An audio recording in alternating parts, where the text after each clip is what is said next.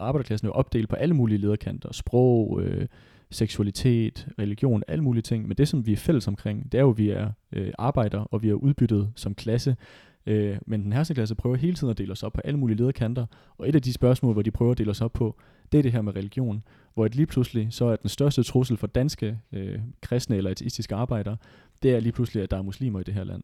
Og det er jo et fuldstændig øh, løgnagtisk, løgnagtigt og falskt øh, grundlag at dele folk op på, øh, fordi der er ingen hold i verden. Og derfor så tænker jeg så, at for mig at se, når man er revolutionær, og man er ja, marxist, så må man kæmpe for arbejderklassens enhed, og det betyder også, at man må, man må øh, øh, afsløre øh, og hvad kan man sige, bekæmpe de her forsøg på at dele arbejderklassen op ved at angribe forskellige etniske eller religiøse minoriteter og begrænse deres frihed til at, at, at leve livet, som de ønsker det.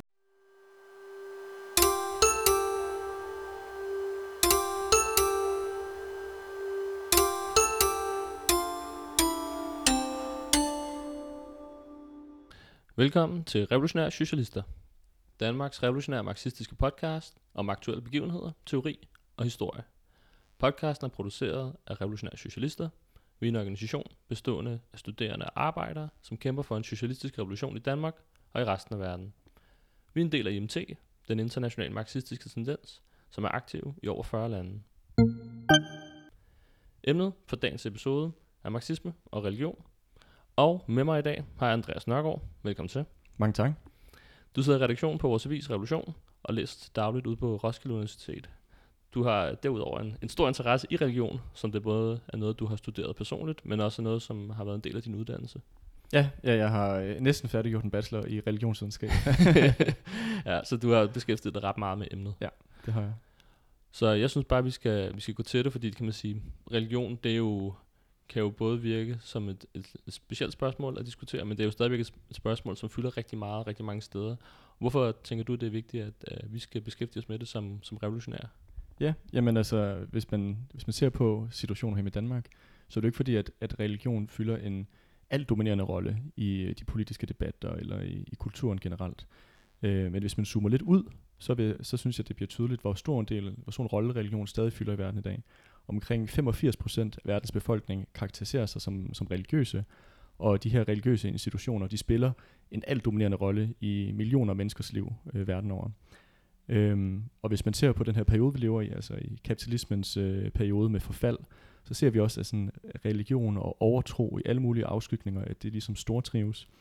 Vi ser inden for de seneste ja, vi sige, par årtier faktisk, vil jeg sige, der har vi set en, en voksende interesse for sådan noget mysticisme, new age, numerologi øh, og konspirationsteorier og sådan nogle, sådan nogle idéer, som, som jeg vil sige i sin essens fjerner den menneskelige øh, opmærksomhed øh, fra den virkelige verden omkring os, og så over på sådan en fiktiv, åndelig verden, som vi ikke rigtig kan vide noget om. Og som er uvidenskabelig.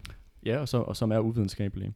Og derfor vil jeg sige, at, at religion ikke bare som sådan, øh, hvad man siger, det, der foregår nede i kirken om søndagen, men religion som, som det her opium, som vi også kommer tilbage på, hvad det vi mener med det.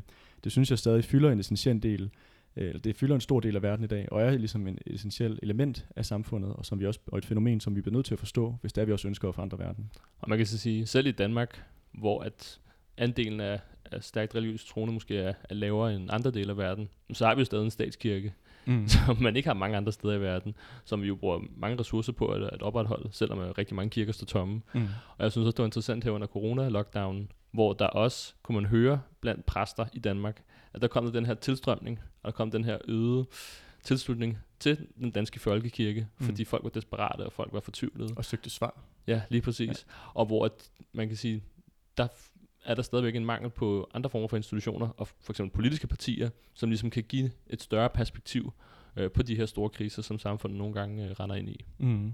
Ja, jeg er helt enig.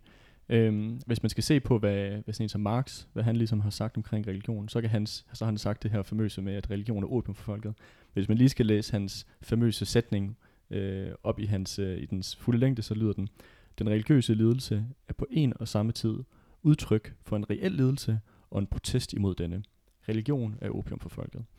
Øh, og det er jo ofte, når man får den her, den her Marx's position præsenteret for sig, så er det kun den her sidste bid, som man, som man bliver, øh, mm. øh, bliver præsenteret for. Hvis man lige skal skal prøve at se, hvad er det så, den her sætning betyder, så betyder det, at, øh, at Marx han kalder ligesom religion for et opium, fordi det giver en lindring på den oprigtige smerte, som folk de føler i det her, i det her samfund, i klassesamfundet. Øh, men det fjerner ligesom ikke grundlaget for den smerte, som folk de føler. Øh, og man, hvis man ser på verden i dag, så er der ganske rigtigt øh, kæmpe store mængder øh, uretfærdighed og lidelse og, og smerte. Øhm, og det har vi jo fordi, at vores moderne kapitalistiske samfund, at det er baseret på et mindretals øh, udbytning og undertrykkelse af det store flertal.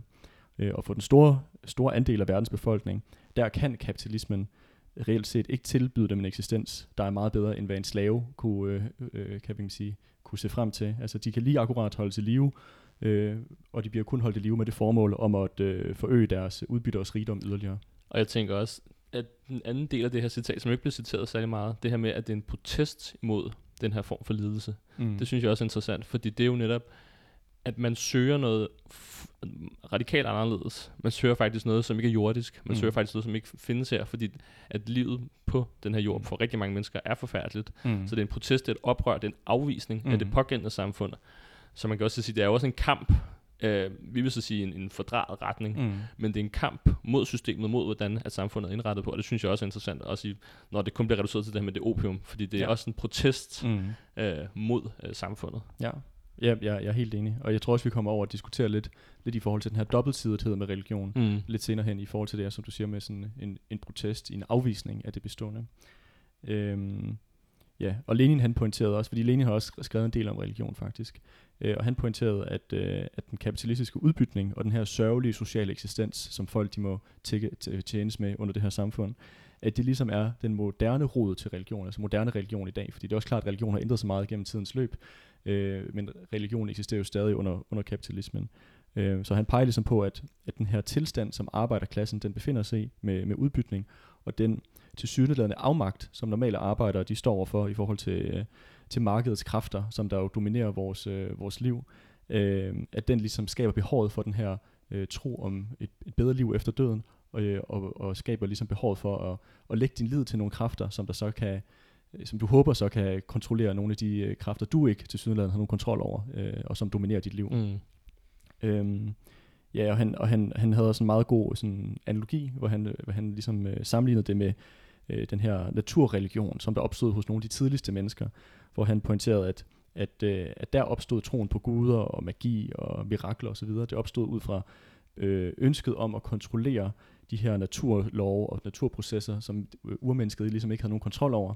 Og på samme måde så bygger moderne religion, det bygger ligesom på ønsket om at, at få en eller anden form for øh, mening i det her, øh, de her øh, anarkiske love, øh, som vi hele tiden er underlagt over, men som vi ikke har nogen kontrol over. Altså nu kommer der en økonomisk, nu står vi faktisk i en økonomisk krise ja. igen, og det er jo, det er jo en, en proces, som ingen af os normalt arbejder har nogen kontrol over, hvad der, hvad der er foregået, øh, men det er jo noget, der er alt dominerende på vores liv, øh, og kommer, kommer til at spille en, en kæmpe stor rolle. Ja, det er, og det, det er en interessant point, det her med, at det ligesom er en, et forsøg på at få et redskab til at kontrollere ting, man ikke kan kontrollere, mm. eller for at øge øh, chancen for et øh, fordelagtigt udbytte af mm. de begivenheder omkring en. Og selvom, som vi kunne sige igen, at andelen af stærkt religiøs i Danmark måske ikke er særlig stor sammenlignet med andre lande, men så er der jo stadigvæk masser af rester af den her overtro og den her mysticisme, af den her håb og det her troen på noget lidt større, lidt anderledes. Det her mellem, at folk altid siger, at øh, der er mere mellem himmel og jord. Mm. Altså, og vi ser det jo utallige steder i hverdagen.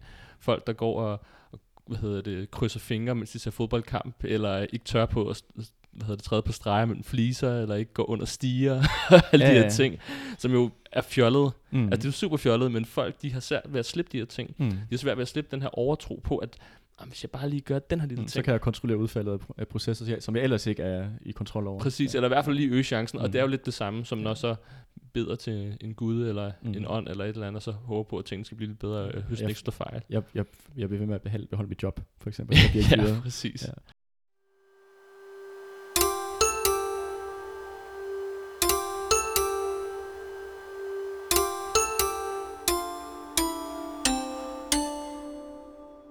Du lytter til Revolutionære Socialister, Danmarks revolutionære marxistiske podcast om aktuelle begivenheder, teori og historie. Podcasten den er produceret af Revolutionære Socialister.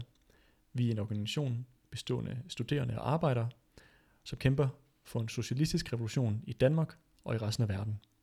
Vi er en del af IMT, den internationale marxistiske tendens, der er aktiv i over 40 lande verden over. Så hvis man ligesom også skal opsummere lidt, så, øh, så, så vil Lenin og os for den sags skyld, vi vil også argumentere for, at, den, øh, at i sidste ende, så, øh, så årsagen til, at du ligesom også har øh, kan man sige, religion, som stadig spiller en stor rolle øh, i mange menneskers liv i dag, det er den her sociale eksistens, som folk de må, øh, de må tækkes med, både i forhold til armod, men også under øh, kapitalismens anarkiske love, som ligesom skaber det her behov for øh, at give den her åndelige mening i tilværelsen, og troen på et, øh, et bedre liv efter døden. Og også deraf, hvis man ligesom vil, vil skabe en verden uden religion, altså komme religion som fænomen til livs, øh, det her åndelige opium, som Marx han kaldte det, altså, så må vi ligesom også afskaffe de økonomiske betingelser, som holder mennesket i slaveri, som holder arbejderklassen i slaveri, øh, og som og rent faktisk skabe et samfund, hvor arbejderklassen og det store flertal af befolkningen rent faktisk er øh, i kontrol over samfundet, og kontrol over den udvikling, både som de som individer oplever, men også som samfundet, hvilken, øh, hvilken retning øh, tingene de ligesom kører i. Øhm, og det kommer også øh, lidt til, til, til spørgsmålet, hvad er det egentlig, vi kæmper for? Øhm, mm. Fordi at som marxister, der kæmper vi for en, en international socialistisk øh, omdannelse af samfundet øh, på, på bredest mulig omfang. Øh, og det gør vi, fordi at for os at se, så er kapitalismen det er holdt op med at spille nogen progressiv rolle. At det kan ligesom ikke udvikle samfundet yderligere. Tværtimod så er det blevet en forhindring for menneskehedens videre udvikling. Øh, og har skabt det her monstrøse, undertrykkende, uretfærdige og inhumane system, vil jeg sige, hvor et mennesker er fremmedgjorte, ikke bare over for, for dem selv, men også imellem hinandens medmennesker. øhm, og et system, der fremmer mistillid, faktisk, jeg vil sige, dyrker mistillid, øh, og, øh, og, hvad kan man sige, øh, misundelse, og alle sådan nogle... Øh, nogle øh, menneskelige værdier, som jeg vil sige, øh, gør samfundet utrolig øh, umenneskeligt at leve i. Øhm, ja, så hvis man skal ligesom skal skabe et samfund, hvor der rent faktisk på et, der er på et højere niveau, der kan tilfredsstille alles behov, og hvor samfundet øh, bliver organiseret rationelt, øh, så, så er det nødt til at være arbejderklassen, der tager, øh, der tager magten over, over samfundet, både politisk og også økonomisk, tager kontrollen over de essentielle dele af økonomien. Øh, og derved vil vi rent faktisk også kunne lægge, lave et samfund, der er baseret på øh, sådan noget som solidaritet og samarbejde, og det vil sige er, er forudsætning for at kunne skabe nogle sunde menneskelige relationer hinanden imellem, øh, og skabe et, et menneskeligt samfund, hvor vi kan komme den her mangel og udbytning til livs, som der karakterer øh, samfundet i dag. Øh, kort sagt, ja, så, må, så vil folk rent faktisk kunne, kunne blive herre over deres egen skæbne, hvilket, øh, hvilket øh, ikke er tilfældet øh, i dag. Øhm, og når først man har skabt den her forudsætning, det her socialistiske samfund, så er det, vi vil se, at, øh, at rammerne ligesom er sat for, at religion kan begynde lige så stille og det bort. Øh, fordi folk ikke behøver den her, øh, den her, det her åndelige opium, den her trøst i deres tilværelse. Så lige for at komme med en spoiler her. Vi vil ikke forbyde religion. Vi mener ikke, man kan forbyde religion igennem love eller, eller andre former for regler. Vi mener kun, at religion kan afskaffes som en social proces, hvor de øh, sociale betingelser og vilkår for mennesker ændres. Så behovet for religion øh, i sidste ende kommer til at forsvinde. Mm. Ja, helt enig. Og vi kommer også lidt ind på det i forhold til Sovjetunionen, hvordan de øh, under Stalin prøvede at håndtere religion, som jeg lige præcis synes illustrerer meget godt det her med, at du kan ikke forbyde religion med lov, men at, øh, at ofte så vil det være enormt kontraproduktivt faktisk. Men det, det når vi til lidt senere. Øhm, hvis man ser på sådan marxismens øh, øh, filosofiske fundament, så er det tydeligt, at det er fuldstændig uforenligt med øh, religion. Øh, og politisk set så står øh, også revolutionære og de religiøse institutioner, de står som regel på hver deres side af barrikaden, øh, når klassekampen den tilspidses. Øhm, og vi skal ligesom heller ikke lægge skjul på vores kritik af religion, og hvor, at lige så præcis som du formulerede det, Rasmus, at vores mål det er et samfund uden religion, altså at afskaffe religion som, som, øh, som fænomen i samfundet. Øhm, og vi ønsker rent faktisk at udstyre arbejderklassen med et øh, videnskabeligt verdenssyn øh, på dem selv og verden omkring dem.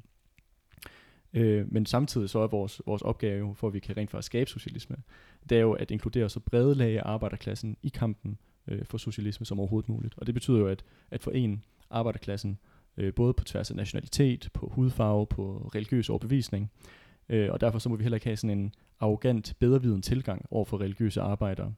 Øh, og det er jo lige præcis noget, man finder hos mange sådan nogle... Øh, småborgerlige øh, intellektuelle akademikere, som der nærmest ser ned på arbejder, øh, der er religiøse, som sådan nogle øh, tåber. Ja, og det er sjovt, for der er sådan et lag af sådan nogle intellektuelle, som mener, at den måde, man bedst afskaffer religion på, det er bare ved at mobbe religiøse mennesker. ja. Altså, hvor de bare sviner dem til at prøve igen tekster og videoer og også podcast, ja. bare prøve at forklare, hvor dumme de er, fordi mm. de tror på, på kan man sige, noget andet end den her verden. Ja, jeg vil sige, det kommer også ned til det her med, at de ikke forstår, hvor er de øh, hvad kan man sige, den rolle, som religion spiller, som den har ligesom et materielt ophav af den elendighed, som folk de oplever. Præcis, det er jo udtryk for deres egen uvidenhed om årsagen til religion, ja. ja, samfundet og årsagen til religion og ja, religiøs følelse. Ja, ja, præcis. Så på den måde så vil jeg sige, at vores, vores kritik af religion er anderledes end deres. Øh, at vi vil sådan set gerne velkommen øh, religiøse arbejdere i kampen for socialisme. Det er ikke noget, Øh, det har aldrig været en forudsætning eller en øh, betingelse for at, øh, at gå med i kamp for socialisme, at du skal være erklæret ateist. Det, er ikke, øh, det, er aldrig, øh, det har aldrig været et krav, og hvis nogen har gjort det til et krav, så har de misforstået, hvad kampen for socialisme det er. Øhm, for for os at se, så er enighed blandt arbejderklassen for at kæmpe for et andet samfund, er meget vigtigere end enighed blandt arbejderklassen på, på spørgsmål omkring, hvad der ligger efter døden. det er sådan set for os at se et sekundært spørgsmål. Folk må tro på, hvad de ønsker. Det er et privat anlæggende. Øh, det, som vi er interesseret i, det er sådan set at, at få, øh, få organiseret arbejderklassen til kamp for et paradis i dette liv, øh, i, i vores øh, jeg kan sige, øh, kødelige øh, liv på dette jord, som, som ja. vi vil argumentere for, er også det eneste liv, vi har. Øh, men det kommer vi til om lidt. Øhm. Ja, så jeg tænker, skulle vi måske kigge lidt mere på det her med, hvad, hvad, hvad marxisme er for en filosofisk størrelse, og hvordan det står i opposition til det her med religion? Ja, lad os gøre det. Øhm, altså marxisme er jo baseret på det, som filosofisk set kaldes materialisme. Og materialisme, det, det udelukker øh, eksistensen af overnaturlige skabninger, altså øh, eksistensen af noget åndeligt eller guddommeligt, der eksisterer udenfor eller, eller, eller over den her øh, hvad kan man sige, fysiske, materielle verden, som vi lever i og kender. Og det, det, nu skal det ikke blive et, øh, et, et podcast episode, som kun handler om marxistisk filosofi, men materialisme betyder netop, som du siger, det her med, at det er den materielle, mm. fysiske verden, det er naturen omkring os, som er det primære, og som så producerer tanker, religion, filosofi øh, og alt det her, som ligesom er et produkt af det. Mm, ja, lige præcis. Øhm, og for os at se, så er med øh, udvikling af moderne videnskab og teknik og, og andet, jamen så er der slet ikke behov for at forklare verden ud fra de her overnaturlige eller guddommelige kræfters indvirkning på vores øh, materielle verden omkring os. Øh, hvis man ser på moderne videnskab, så er det for eksempel øh, bevist, hvordan at, øh, at arter, inklusive menneskeheden selv, at de ligesom har udviklet sig over milliarder af år, øh, fra øh, hvordan at organisk liv har udviklet sig fra uorganisk materie. Øh, altså alle de her, hvad kan man sige, store spørgsmål, som hvordan er vi blevet til osv., det er sådan set allerede blevet besvaret af videnskaben. Øh, der er også det her menneskelige genomprojekt, tror jeg det hedder på den danske oversættelse, øh, som for eksempel også har afledet, ved at sige, den kristne myte om, at vi skulle være skabt i, i Guds billede, øh, fordi det viser meget konkret, hvordan vores gensammensætning er, Øh, for eksempel så deler vi 200 gener med øh, organismer som bakterier, for eksempel. Mm. Øh, og deler rigtig mange gener til fælles med lidt mere øh, avancerede livsformer, som øh, mus, eller katte, eller bananfluer. Okay. øh, og, og på den måde kan man faktisk læse den menneskelige evolutionære udvikling igennem vores gener, ved at sammenligne med generne fra andre, øh, andre dyr. Øh, og der vil, vil jeg sige, at på den måde så har moderne videnskab har ligesom også fortrængt religion som en forklaringsmodel for verden omkring os. Der er ikke, det er ikke nødvendigt længere, at du har Gud med i ligningen for at forklare øh, menneskehedens eksistens, eller øh, den, de processer, der foregår i den verden, som vi er en øh, hvad kan man sige, integreret del af. Øhm, og du var lige inde på det lidt før med i forhold til, sådan, hvad er materialisme? Og hvis man skal, materialisme og videnskab, øh, vil jeg sige, er meget øh, sammenkoblet øh, mm. som filosofiske idésæt. Og, øh, og med, hvis man kan sige, sådan, der er nogle sådan, basale principper, øh, både materialisme og videnskab, det er baseret på, så to af de mest basale, det er, at at verden den eksisterer uafhængig af os selv. At uanset om jeg lukker øjnene eller ej, eller holder mig for så bliver verden ved med at eksistere omkring mig. Øh, og et andet sådan meget fundamentalt princip, øh, det er, at vi rent faktisk kan forstå verden omkring os, ved at undersøge den systematisk og videnskabeligt, øh, og at vi kan ja, opdage ting omkring os selv og verden, og hvis der er nogle ting, vi, vi, vi ikke kan finde ud af på nuværende tidspunkt, jamen så, øh, så har vi et, et positivt syn på, at, eller optimistisk måske mere, at øh, med udviklingen af teknologi og videnskab i fremtiden, jamen så vil vi blive i stand til at løse, løse de gåder og de mysterier, som der så stadig er for os i dag. Præcis. Og men samtidig så mener vi heller ikke det med netop, at der er nogen kan man sige, øvre grænse nej, nej. for, hvad vi kan erkende, ja. eller for, hvad vi kan forstå. Og det synes jeg også må være interessant, man har set igennem videnskabens historie. Altså, så er der en videnskabsmand, som har lavet en stor ny opdagelse, og så ligesom siger, at det er det endelige svar. Ja, nu kan vi godt uh, læne os tilbage i lænestolen og pakke sammen. ja, jeg har fundet ud af det hele. Ja, ja. Men hvor, og det er, jo det, det er jo det fantastiske, det er jo, at vi hele tiden bliver klogere. Mm. Og man mm. kan dykke ned i alle aspekter af livet, af samfundet, af naturen. Du kan komme dybere og dybere ned, og du kan aldrig nogensinde få et endeligt, endeligt facit, mm. hvor du ikke kan få at blive klogere på tingene. Nej, nej, overhovedet ikke. Der er ikke nogen, øh, nogen grænse. Nej.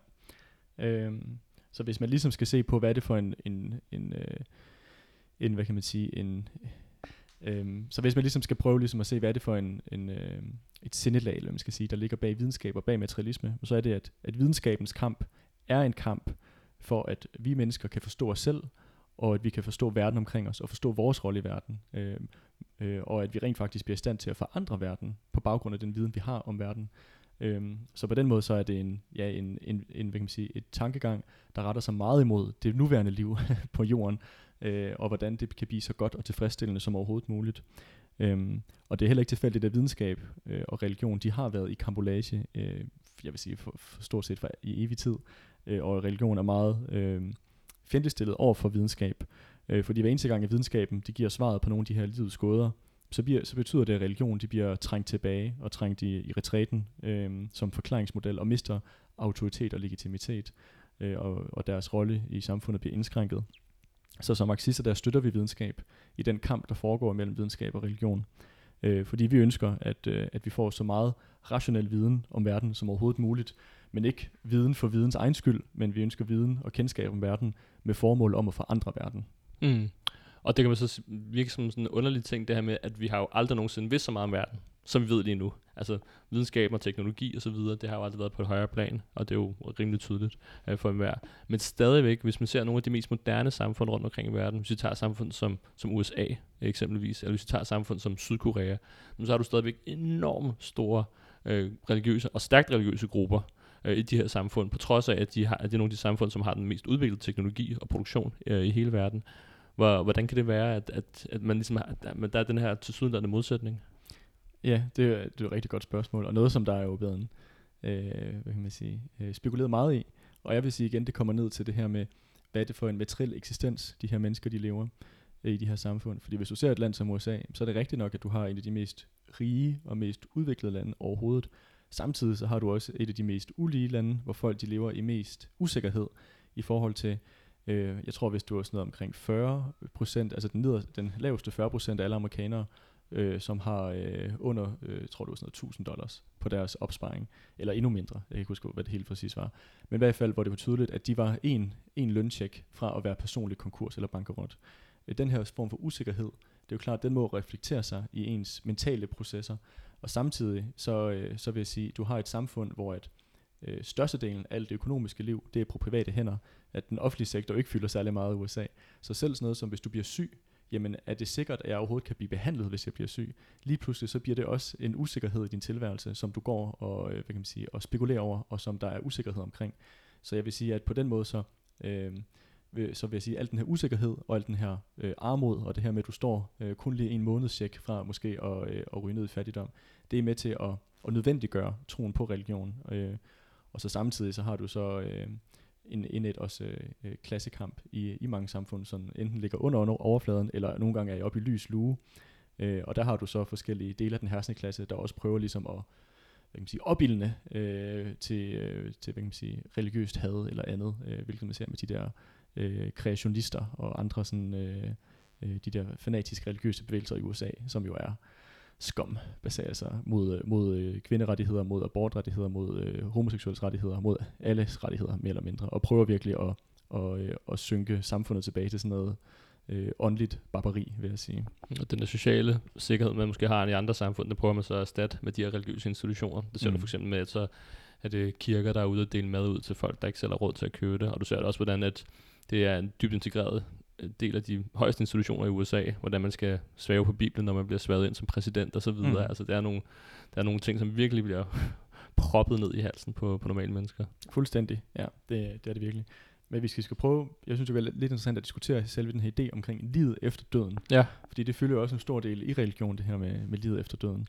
Øhm, og det er jo nemlig lige præcis et paradoks, at på, på tværs af de store fremskridt, der er lavet inden for videnskab, øh, at så er øh, millioner mennesker, hvis ikke milliarder af mennesker, de, øh, de ser stadig håbefuldt på den her tilværelse hensides graven. Øh, og, og det er rigtigt nok, at religion det tilbyder den her øh, trøst om, at der, du kan rent faktisk se frem til at komme i paradis, når du dør. Øh, men hvis man ligesom skal tage et, øh, hvad man sige, et materialistisk verdenssyn og se på, hvad, hvad, hvordan ser vi på det her med liv efter døden, så, øh, så vil øh, øh, hvad kan man sige, så vil religion, de vil påstå, at du har den her sjæl, som er af en eller anden årsag immateriel. Altså den eksisterer eksternt for din krop. Din krop kan godt, din materielle krop kan godt, øh, kan godt dø, men så din sjæl, den øh, af en eller anden årsag kan godt øh, fortsætte med en eksistens uden din fysiske krop. Øh, men hvis man ligesom skal prøve at, at stille spørgsmålet, hvad er liv uden materie? Altså hvordan, hvordan vil liv se ud, hvis ikke du har en fysisk krop, som liv kan udtrykke sig igennem? Øh, så bliver det lige pludselig meget spøjst, fordi at forudsætningen bare for, at du har en bevidsthed, altså forudsætningen for, at du kan tænke alt det, som jeg tror, kristne vil kalde en sjæl, altså en personlighed for den sags skyld.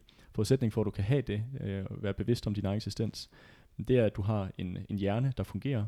Forudsætningen for, at du har en hjerne, der fungerer, det er, at du har en, en krop, der fungerer. Øh, og hvis din krop den øh, dør, eller holder op med at blive beskadiget, øh, så vil det selvfølgelig også betyde, at det bliver slutningen på din mentale eksistens. Altså din, din bevidsthed vil holde op med at eksistere. Øh, så for os at se, så den her idé om, at du skulle have noget i dig, noget åndeligt, der lever eksternt for din krop, eller kan leve på trods af, at din, krop, din materielle krop den dør, det er for os at se øh, øh, ikke, ikke korrekt, øh, sådan helt filosofisk set. Øh, men det er selvfølgelig, det, vi vil sige, at der er et vis grad af sandhed i det her med, at vi rent faktisk godt kan leve for evigt. Mm. Øh, men det er lidt en anden, det er ikke i forhold til en sjæl, der lever, fordi at det er jo rigtigt nok, at vores kroppe består af milliarder af molekyler, øh, og at når vores, øh, vores krop den, øh, den, øh, den holder op med at, at, at fungere, så vil de her molekyler, de vil indgå i, i nye forbindelser med, med, nye, øh, med andre molekyler omkring det. Og i den forstand, så er det rigtigt nok, så er vi udødelige i, at, at der er ikke noget materie, der hverken bliver skabt eller destrueret, men at alt det ligesom bliver genbrugt på den måde. Så, øh, så ja, det er men sådan set for os at se den eneste udødelighed, som, som vi har. Præcis, og for os at se, så er liv og død jo heller ikke sådan fuldstændig adskilte ting at mens vi lever, mens vi går rundt og er bevidste og kan snakke og tale og tænke og så videre, så er der jo stadigvæk masser af ting i os, der dør. Mm. Men, altså masser af molekyler og ting, som hele tiden, som hele tiden dør i os. Og man kan sige, det er jo en, en lang proces for et menneske i et helt liv, hvor man så går mere og mere i forfald. Men samtidig, når vi så stadigvæk, som du også pointerer, når vi så er døde, så er der jo i virkeligheden masser i os, øh, i vores fysiske kroppe, som stadigvæk er i live, på trods af, at kan man sige, vores, øh, hvis man skal kalde det, vores åndelige øh, bevidsthed er forsvundet øh, fordi vores øh, hjerne ikke fungerer med dem, så er der stadigvæk masser af ting, som, som er i live på sin vis. Mm, ja, jeg synes, jeg er fuldstændig enig. Øhm, og der er også noget, der er også meget sjovt ved det her med livet efter døden, fordi når vi ser også på, sådan, hvad det ligesom, det her liv efter døden, hvad det ligesom det skulle indeholde, øh, så er det jo ofte sådan noget med, at det er en, jeg vil sige, en, en idealiseret udgave af vores liv i det nuværende liv. Altså det er sådan noget med, at vi øh, er sammen med vores nære og kære, vi øh, render rundt og danser, har det hyggeligt og drikker god vin, spiser god mad og jeg ved ikke, dyrker lækker sex. Jeg ved ikke, hvad... Jeg, jeg ved ikke, altså alt, men altså alle de her ting, der rent faktisk gør livet værd at leve i det nuværende liv, det er sådan set ofte, det er jo sådan set sådan øh, paradis, det beskrives øh, som et, et bedre udgave af det her liv, hvor du ikke behøver at være bekymret dig om, øh, om alt det, som der er øh, smertefuldt og, øh, og hvad kan man sige, øh, uønsket i det, her, i det her liv. Og på den måde, så synes jeg også, at det, at, det, at det er interessant at se, hvordan at selve bare forestillingen om et liv efter døden, har heller ikke nogen eksistens separat for vores nuværende liv, at det er for mig at se bare en idealiseret udgave af det, som, sådan, som livet burde være øh, i det her øh, liv omkring os.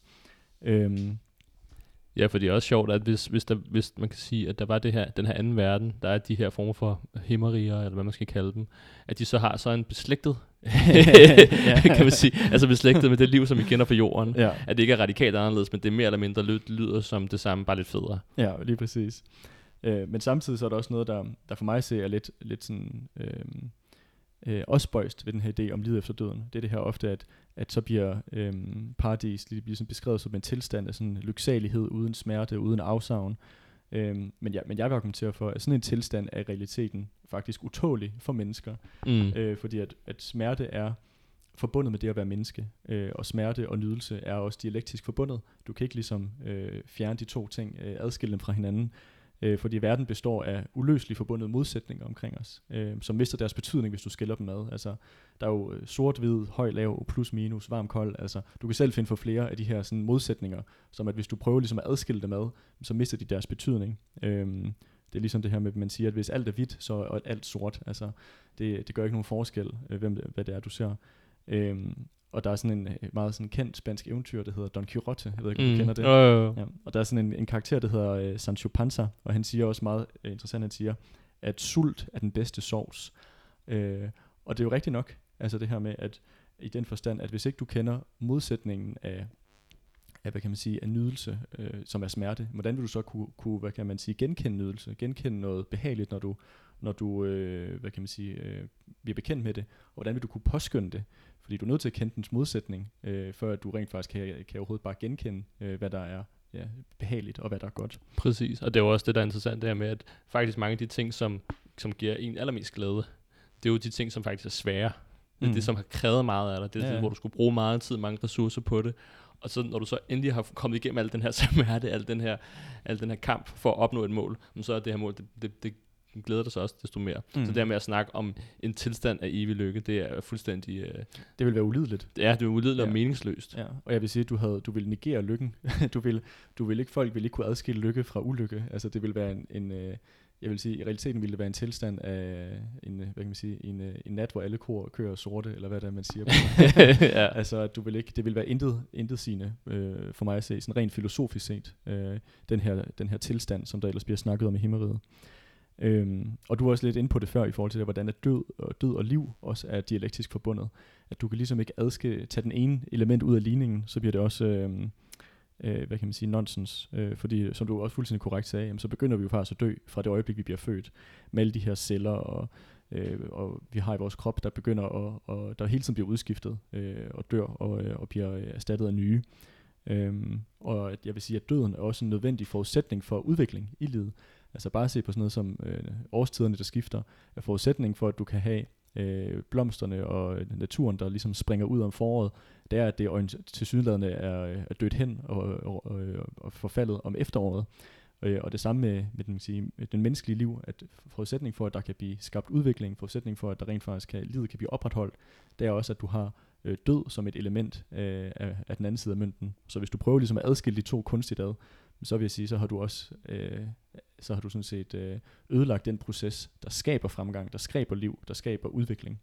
Jeg vil også sige, jeg tror også, at mange, en stor del af årsagen til, at mange mennesker er så bange for døden i dag, det er på grund af begrænsninger i deres levende liv.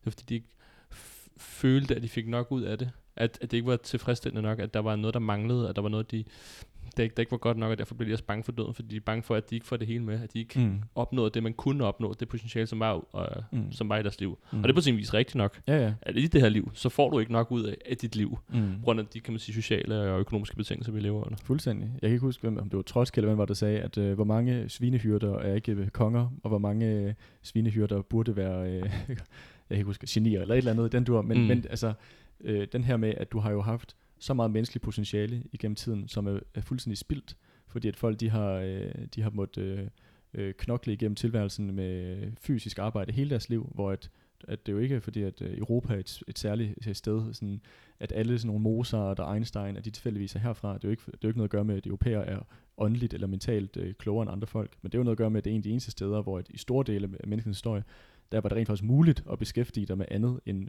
manuelt arbejde. Øhm, så jeg vil sige, at kampen for socialisme, det handler sådan set også om at kampen for at, at sætte det her menneskelige potentiale frit, som der lige nu bliver holdt tilbage af fattigdom og bliver holdt tilbage af, af kapitalistisk udbytning.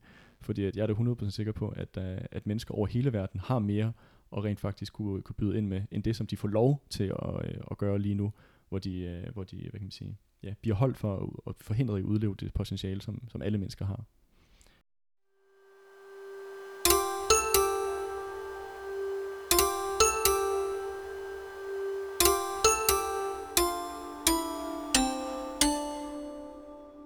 Coronavirusen og den tilfældighed, som har indledt en ny epoke i verdenshistorien, hvor revolution, kontrarevolution, opstande og krige er på dagsordenen. I den her situation er det vigtigere end nogensinde før at opbygge en revolutionær organisation, således at vi ikke blot bliver reduceret til tilskuere af de historiske begivenheder, der udfolder sig, men som, øh, som gør os i stand til at intervenere i dem og ændre historiens gang. Men for at det kan lade sig gøre, har vi brug for ressourcer. Vi bliver derfor om din hjælp og om at støtte os økonomisk. Gå ind på reviewsok.dk-bliv medlem. Her kan du blive B-medlem øh, og overføre et fast beløb øh, månedligt til os. Til gengæld så får du vores avis, Revolution, der kommer 10 gange årligt. Og vi har ingen øh, rige bagmænd, og vi får heller ikke noget støtte fra staten, så alle bidrag, øh, det vil blive taget imod med kysshånd. Øh, de eneste indtægter, vi har, de kommer fra arbejdere og unge, som bakker op om kampen for socialisme og en bedre verden. Men man kan sige, nu har, nu har vi kridtet banen lidt op i forhold til, sådan, hvad, mm. hvad er religionssyn på døden og livet efter det? Hvad er så vores? Og har vi sådan et pessimistisk eller nihilistisk syn på, øh, på livet? Og det vil sige, det har, det har vi på ingen måde. Jeg vil sige, den første ligesom, forudsætning for, at man kan få sådan et fuldt tilfredsstillende liv på jorden, og at man kan, det er ligesom at have et, et sandfærdigt og videnskabeligt syn på os selv og på, og på verden omkring os. Øh, og ligesom andre levende organismer, så, øh, så, så, øh, så lever der generationer, og de dør og bliver udskiftet. Øh, og det er det samme med, med, med os mennesker. Altså generationer, de lever for at blive skiftet ud af, af kommende generationer. Øh, så i stedet for, for os at se som marxister, i stedet for at, at spilde vores tid på at, og hige efter en ikke eksisterende øh, eksistens øh, hinsides graven, så burde vi bruge al vores vågne tid på rent faktisk at gøre det her liv på jorden så, øh, så behageligt, så smukt og så rigt på, som overhovedet, overhovedvis. Både for de mennesker, der bor her nu, men også for de kommende generationer, som der kommer til at følge vores fodspor. Øhm, så derfor så vil jeg mene, at, at dialektrisk materialisme, altså marxismens filosof, filosofi, at det indebærer en, en kærlighed til livet, og, øh, og alle, alt det, der gør livet værd at leve, øhm, og en kærlighed til, at, at man rent faktisk ønsker, at, at hele menneskeheden øh, skal kunne øh, leve livet, som, så, som de ønsker, og, og uden afsavn og mangel. Øhm, og derfor så vil jeg mene, at, at, øh, at også, at, øh, at religion, det... Øh, har et, ja, det her reaktionære element i det, at det ligesom øh, siger, at vi skal feste vores blik mod, mod himlen, så vil vi sige, nej, det skal vi ikke. Vi skal, vi skal sætte vores opmærksomhed på det her liv, vi lever i det her, øh, øh her på jorden. Øh, fordi vi er overbeviste om, at vi kun har et liv, og derfor så må vi også gøre det så godt som overhovedet muligt, øh, og skabe, som på berømt vis, skabe paradis på jorden, øh, så, fordi vi ved, det er det eneste paradis, vi kommer til at få. Præcis, og vi kan også se igennem, og det kommer måske tilbage til, hvordan at den her, kan man sige, det er fokus på et liv efter det vores fysiske øh, naturlige liv på jorden. Det bliver brugt som en undskyldning for den herskende klasse til at aflede opmærksomheden fra mm. den virkelige kamp, som find, øh, finder sted øh, i det her liv. Um, men så det nok er ret tydeligt for, for dem, der lytter med, så uh, mener vi ikke, at Gud findes. Vi mener ikke, at hverken himmeri eller helvede uh, findes. Um, og vi mener, at religion er et, først og fremmest et socialt produkt. Så ligesom alle andre sociale produkter, så har det jo en historie. Så jeg tænkte på, om vi skulle vende blikket lidt mod, hvordan religion egentlig opstod. Ja, det kan vi godt. Altså, ligesom at alt andet i samfundet omkring os, så har religion også ud, gennemgået sådan en historisk udvikling og forandring. Øhm, og hvis man, øh, hvis man ser på nogle af de her øh, sådan, tidlige klassesamfund, øh, så er det også lidt interessant, hvordan at, at ja, hvis man igen skal, skal holde det her blik på det her med livet efter døden, som en parameter for øh, at, at, at vurdere øh, religion ud fra, øh, så var det her med livet efter døden, det var ligesom et privilegie, som var forbeholdt øh, den herskende klasse, aristokratiet eller øh, høvdingerne og krigerne. Øhm, og på, på sin vis, så var øh, paradis, det var sådan set bare en fortsættelse i døden af de privilegier, som den herste klasse de nød øh, i det jordiske liv, øh, og som masserne var ekskluderet fra. Øh, hvis man ser på Ægypten for eksempel, så, øh, øh, så faragerne, når de øh, kongerne der i Ægypten, når de øh, var døde, så kunne de så frem til et liv efter døden, hvor de blev øh, opvartet af en hær af slaver, hvilket jo minder meget om det liv, de levede, mens de var i live. Ja. Øh, og, øh, og de her store gravmonumenter, som vi kender pyramiderne, de vidner ligesom også omkring det, det liv, som de blev stillet til udsigte, når deres øh, jordiske paladser, de ikke længere var gode nok for dem, og de, øh, og de skulle videre. Øhm, men hvis man ser på det liv øh, hensidigt, øh, det jordiske, som, øh, som det store flertal af befolkningen, slaverne, bønderne osv., hvad er det for et liv, de ligesom kunne blive stillet udsigte, så var det ofte sådan en meget grå og trist sted, øh, som jeg vil sige ofte egentlig bare var en afspejling af det jordiske liv, de også levede, øh, mens de var i live. Øh, og man kender det sådan set også her fra, fra Norden, hvis man ser på øh, Valhalla for eksempel, som jo var det her sted, hvor, hvor vikingekrigerne de endte, øh, som jo var et nice sted, i forhold til, at du havde mm. festmåltider, du kæmpede hele dagen, fuck, hvor, og så blev du vækket til live igen, når du var død på slagmarken, og så, kunne, så var der fest igen dagen efter, og, og, og slag, slagskampe igen. Øh, men hvad er, det, hvad er det for et, et liv efter døden, som de, alle dem, der ikke var ude at kæmpe og Europa og, og invadere England, hvad var det for et liv, de kunne se frem til? De endte nede hos Hell, nede i, øh, i underverdenen, i et liv, hvor et, øh, der var ikke noget fest og farver. Tværtimod, så var det et øh, dødssygt, kedeligt sted, hvor du lige så stille øh, mistede enhver minde og hukommelse om dig selv, indtil du bare blev intet, intethed. det lyder super fedt. Ja, det var mega nederen. Øh, så på den måde, så, så kristendom var også en af de der første religioner, der ligesom i gås øjne demokratiseret øh, øh, paradis, øh, og ligesom slog, slog portene op for, at alle kunne komme, komme ind og være med. Øh, men der var også en pris for, at, øh, at, øh, at man ligesom alle kunne være med i det her. Fordi prisen var, at de troende, de ligesom også måtte acceptere de pinsler, de gennemgik i det nuværende liv, til gengæld for det her løfte om et bedre liv efter døden. Ja, og hvis man ikke følger alle de her regler for at komme i himlen, mm. så sker der det modsatte. Ja, så, sker ja. der, så kommer du, kommer du forfærdeligt, så kommer du i helvede. Ikke? Ja, ja, præcis. det er mega nederen. Der er flammer, og der er en djævel, der står med en træfork og stikker i dig og sådan noget. Det er super, super nederen at være der. Ja, lige præcis. Øhm, så på den måde, så var der ligesom også et incitament til at overholde de retningslinjer og regler, der blev stukket fra, fra kirken. Øhm, Ja, og der er så måske også nogle mennesker, der vil sige til os, for eksempel, at man, at man ikke må tage troen for de fattige, at det, ligesom, det er det eneste, de har øh, at holde fast i og, og gøre, at de kan kæmpe sig igennem øh, hverdagen. Øh, men, men for os at se, jamen, øh, folk ikke tjente med at leve deres liv ud fra en illusion. Tværtimod, så, øh, så for os at se, så, øh, som der så berømt står i Bibelen, så vil sandheden sætte dig fri. Og for os at se, jamen så forudsætning for, at folk de kan rent faktisk sætte dem fri, både åndeligt, økonomisk, socialt, politisk, det er, at de har øh, et sandfærdigt verdenssyn, øh, og, og hvad kan man sige, øh, de sande øh, forudsætning for at rent faktisk interagere med verden omkring dem. Øh, så jeg vil sige, det her løfte om et paradis, øh, og man kan se frem til efter døden, det er ligesom med til at, øh, det er ligesom det middel, der gør, at millioner mennesker hver dag accepterer den lidelse, både fysisk og mentalt, som de gennemgår igennem deres liv, øh, og som i stedet for at rette deres energi mod deres klassefjender, som er årsagen til den lidelse, de, de, de gennemlever, så bliver de bedt om at rette deres energi mod, øh, mod hvad kan man sige, rette deres blik mod himlen. Så på den måde, så vil jeg sige, at den her illusion er ikke en eller anden form for sådan, øh, der er nogle meget, meget konkrete konsekvenser i, at folk du rent faktisk i stedet for at kæmpe for et bedre jordisk liv, så bliver de bedt om at, at, at, at faktisk opgive deres, øh, deres jordiske eksistens, øh, hvor at den her, det virkelige menneskelige liv, at det menneskelige, virkelige menneskelige potentiale, at de bliver offret til gengæld for en illusion. Præcis, og det er også derfor, vi netop ikke mener, at religion er en progressiv størrelse. Samtidig så tror jeg også, at religion har spillet den her, den har haft den her kæmpe store rolle igennem menneskelige samfund, og jeg tror også, det er årsag til, at mange de har fortsat deres eksistens. Det har været på grund af religion, på grund af religiøs tro, at de ikke bare begik selvmord. Ja, Fordi det var ofte ville du også ende i helvede, hvis du begik selvmord. Ja, præcis, og det var en rigtig dårlig grund ja, til at gøre det. Ja. Men, men det, var, det var også meget interessant, fordi det har jo også haft sin anden modsætning, at du havde for eksempel i 1700-tallet i, øh, i København, hvor, du havde, hvor folk havde det virkelig, virkelig elendigt, øh, hvor fattigdom var meget udbredt, eller undskyld, det 1600-tallet, jeg, jeg kan ikke huske det helt præcist. Men der, der var der jo rigtig mange, som der øh, øh, ville begå selvmord, men fordi at du ryger helvede, hvis du begår selvmord, så, så det gjorde de jo ikke, men i stedet for så begik de så forbrydelser, hvor de vidste, at, dødstr- øh, at de ville få dødsdom. Er det øh, rigtigt? Det var for eksempel at ja. dræbe spædbørn. Oh shit. Ja, så det er også, hvad jeg sige, der er også, det er klart nok, at det har holdt nogen for at begå selvmord, men det får også sin egen mærkelige logik, mm. øh, hvor at så, øh, så frygten for at tage dit eget liv, gør så, at du bliver tvunget til at begå voldsomme forbrydelser, ja. for bare for at kunne få en, øh, en, en, sige, en ende på den utålige tilstand, du lever øh, i det nuværende liv. Og det siger også noget om, om, om klassesamfundet, at man ender i sådan en situation der, mm. hvor det bliver så absurd på et fuldstændig vanvittigt plan. Mm. Øh, ja, og det, ja, igen, det netop reflekterer øh, den lidelse, der er i, i forskellige klassesamfund. Mm.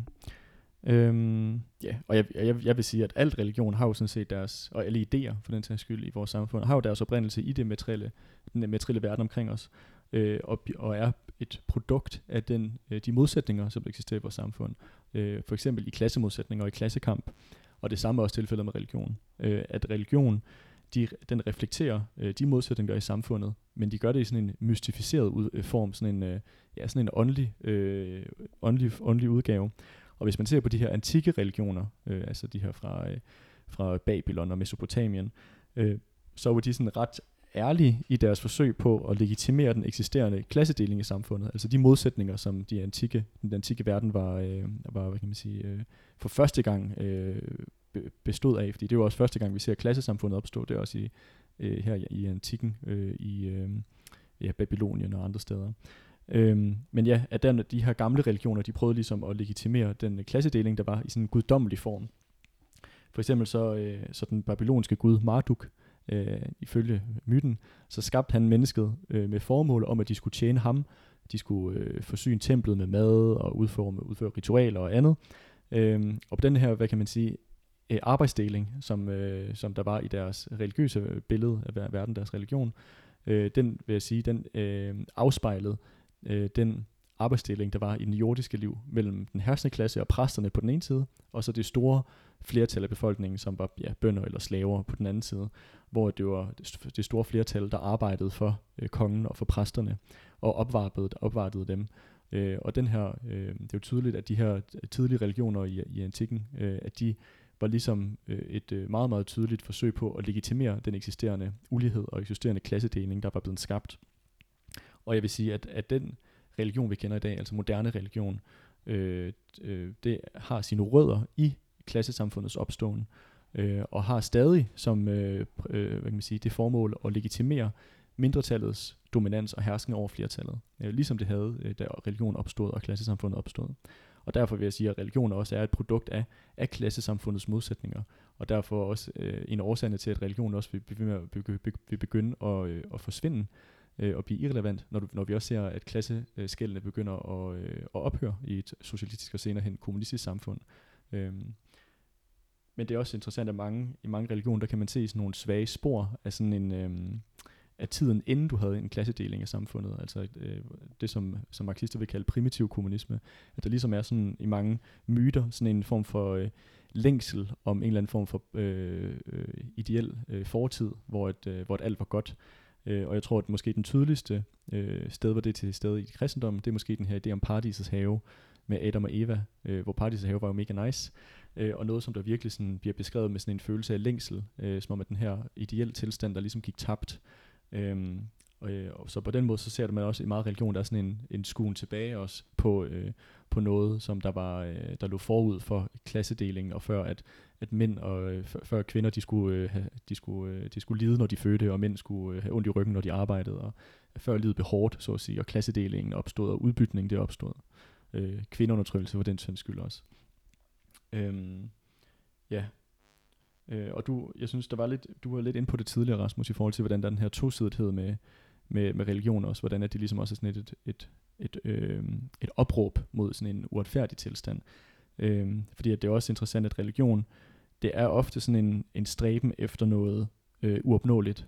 Øh, altså for eksempel, øh, hvis man ser på, på guderne, så er de ofte sådan meget idealiserede udgaver af, hvordan vi burde være, eller hvordan man i hvert fald gerne vil være. Du har jo Thor, der er stærk og øh, modig, og du har Odin, der er altvidende og vis, og så har du nogle af de her helgene, øh, helgener i den katolske kirke, som er til, øh, ja, den tilgivende og gavmilde, og det er blevet sådan en helt kliché med sådan en som Jesus, at folk til sådan, what would Jesus do? Altså, ja, præcis. En altså, klassiker. Ja, men hvor du ved, de der guddomme, de bliver præsenteret som sådan fuldstændig ufejlbarlige og, og perfekte, mere eller mindre.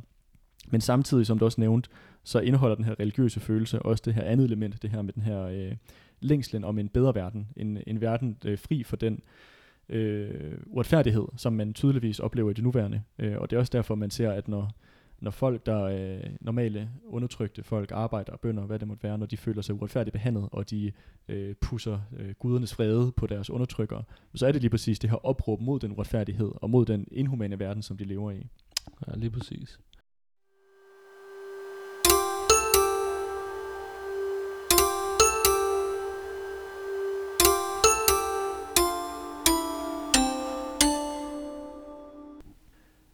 Jeg håber, at du kan lide det, du lytter til. Øhm, og du vil følge os på Spotify, iTunes eller andre platforme, hvor du hører din podcast fra. Du kan finde flere aktuelle, teoretiske og historiske analyser på marxist.dk. Abonner på vores avis Revolution, der udkommer 10 gange årligt. Jeg tænker, at vi måske kunne vende blikket lidt mod den religion, som er dominerende i vores del af verden, som, som jo er kristendommen er stadigvæk den dag i dag og måske hvordan det, det ligesom opstod af den tidlige kristendom, og hvordan det er udsprang. Ja, det kan vi sagtens. Øh, og det bliver selvfølgelig en lidt tour de force. At det, kan, ja, selvfølgelig. det, det kunne man lave et helt afsnit med i sig selv. Ja, ja. Fordi det er også en rigtig spændende historie, øh, som, som jeg vil sige, at der er mange, øh, mange ting, man kan lære af øh, om, om i dag. Øh, men men det, det bliver lidt en hurtig gennemgang. Øhm, fordi at de, de her idéer som sådan lighed og fællesskabshed og sådan nogle ting, solidaritet, at det er ofte blevet udtrykt igennem religion, altså med religiøst, øh, udtrykte religiøse idéer. Øh, og man har set mange af de her store religioner, ja for eksempel kristendom, men og egentlig også islam og øh, buddhisme og, og sikhisme og andre sådan religioner, men lad os fokusere her på, på kristendom. At mange af de her religioner har startet ud som sådan nogle massebevægelser for fattige og for undertrykte, som lige præcis har haft det her, de her øh, idéer, som at være imod undertrykkelse, være øh, imod ulighed og sådan nogle ting, at det har ligesom været deres udgangspunkt, og været det, som der har gjort, at de har blivet de her massebevægelser øh, imod det bestående system. Øh, det var for eksempel også meget sigende, at romerne de kaldte øh, de kristne for, øh, for slaverne og kvindernes religion, som også siger noget om den sociale base, som kristendommen de havde til, i dens begyndelse. Øhm, og, øh, og det er jo heller ikke, hvad kan man sige, øh, tilfældigt, at det lige præcis var også kristendommen, som blev en af de her store religioner i antikken, som der vandt rigtig stort genklang blandt rigtig mange, især ja, slaver og kvinder og andre undertrykte grupper. Øhm, fordi at, at kirken, den kunne rent faktisk tilbyde noget, som var fuldstændig fraværende i antikken. Den kunne tilbyde, hvad det, tilbyde et minimum af social sikkerhedsnet. Øhm, fordi der eksisterede ikke noget, der hed velfærdsstat under, øh, under, under antikkens romerige øh, og slavesamfundet. Øhm, men igennem øh, og i fællesskabet omkring synagogen eller kirken for den sags skyld, at der var der rent faktisk et, hvad kan man sige, et økonomisk fællesskab, hvor folk på baggrund af de kontingenter, altså kirkeskat, øh, som de gav, øh, så menigheden, de skabte faktisk et sikkerhedsnet, så hvis du mistede deres, dit job, eller gik for hus og hjem, eller hvad der måske, så ville, du blive så ville menigheden sørge for, at du, at du ikke øh, hvad kan man sige, bare faldt frit øh, fuldstændig ned og ind som... Øh, øh, på sultens rand. Ja, som tigger eller et eller andet. På tigger, ja, eller måtte sælge dig selv som slave, eller hvad det ja. måtte være. Øhm, og man kan finde, øh, som jeg vil sige, at den tidlige sådan, kristne bevægelse var bygget på meget sådan, idéer om, om lighed øh, og, og imod ulighed faktisk. Øh, og man kan finde ret øh, tydelige spor i Bibelen fra den her sådan, tidlige kristne, jeg vil kalde det sådan primitive kommunistiske idéer, som der eksisterede. Øhm, hvis, hvis I sidder fremme med Bibelen derhjemme, så, øh, så kan I øh, øh, slå op i Apostlenes Gerninger, øh, som der er, jeg vil sige, en, en bog, der rent faktisk indeholder rigtig mange passager, der vidner om den her tidlige kristne, nærmest revolutionære øh, idésæt. Hvis man slår op i Apostlenes Gerninger, kapitel 2, vers 44, i den danske udgave, så står der, så står der for eksempel, at, øh, jeg, jeg citerer, øh, men alle de troende var sammen, og de var fælles om alt. De solgte deres ejendom og ejendele, og delte det ud til alle efter deres behov. Ja, det lød lidt, kunne godt lyde næsten som et Marx-citat. Det kunne nemlig lige præcis rigtig godt lyde som et, et Marx-citat. Øh, og det synes jeg også illustrerer meget godt det her, sådan den der primitive kommunistiske ånd, som øh, den tidlige kristne bevægelse, den ligesom var baseret på. Det her med lighed, øh, fællesskab, øh, øh, hvad kan man sige, mod undertrykkelse, de her form for idéer. Og der er også det her kendte citat med, at, at, øh, at det som, som også er fra Bibelen, at det er lettere øh, for en, øh, en kamel at komme igennem et nåleøje, end en rig mand at komme i himlen. Mm-hmm. Altså der er mange af de her, hvad kan man sige, øh, passager, der virkelig hvad kan man sige, viser den, øh, den, øh, den oprørstemning, som, øh, som, som din kristne bevægelse startede ud med som udgangspunkt. Og det er sådan nogle efterladenskaber, kan man sige, fordi så vidt jeg har forstået, og du må rette mig, hvis jeg tager fejl, så er Bibelen, den er jo ikke altid set ud, som den gør nu. Nej, den, nej. Er, den er også blevet, øh, blevet udsat for noget redigeringsarbejde igennem ja. tiden, ja, ja. Øh, hvor så vidt jeg har forstået, så mange, mange andre revolutionære passager, der var i Bibelen, de er blevet fjernet af, af biskopper. Ja, ja, jamen det er 100, 100, 100 procent. Øh, og mange af det, der er blevet tilført til Bibelen, har også haft, øh, og jeg vil sige, historien om Jesus for eksempel, som historisk set, for mig at se, der er ikke noget belæg for at kunne, bevi- at kunne sige, at han har eksisteret. Nu er det ikke fordi, det er det, det, den her podcast skal handle om. Det kunne også lave en hel episode Det kunne man også, ja. Men, men jeg vil sige, at mange for eksempel øh, historierne omkring ham, øh, er for mig at se også øh, historier, som der har skulle legitimere forskellige grupperinger inden for den, øh, inden for den tidlige kirke. Øh, de skulle legitimere deres øh, positioner som, øh, som øh, leder øh, og sidenhen som biskopper og andre overhoveder øh, i kirken med at, ligesom, øh, at vise, at det var, det var dem, der var de tætteste på Jesus, det var dem, der var de tætteste på apostlene og så videre, og disciplene og så videre. Men det er en længere historie, øh, Den tager vi en anden som, gang. som vi, kan, vi må tage en anden gang, ja.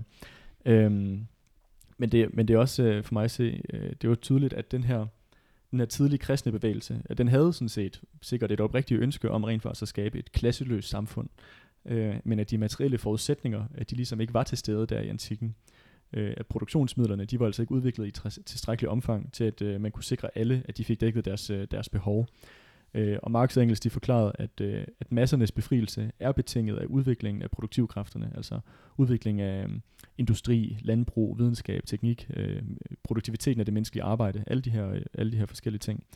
Øh, og kun ved at udvikle produk, øh, produktivkræfterne i tilstrækkelig omfang, der kan man faktisk sikre, at, øh, at man kan producere nok til alle, og arbejdsdagen den kan reduceres, og at øh, kultur og viden, at det kan gøres tilgængeligt for det store flertal af befolkningen. Øh, og modsat i antikken, hvor et, for de materielle forudsætninger de ikke var til stede for at kunne skabe socialisme, så vil jeg sige, så har vi faktisk nået et niveau i dag, øh, hvor de materielle forhold for socialisme, de er, de er, eksist, de er eksisterende, de er næsten overmodne. Øh, at øh, på verdensplan, der, øh, der kan vi øh, sagtens øh, producere nok øh, til at, øh, at arbejderklassen øh, og jeg vil sige, jeg vil sige øh, alle hele verdens befolkning, at de kan få, øh, få dækket øh, deres behov og mere endda, mere til.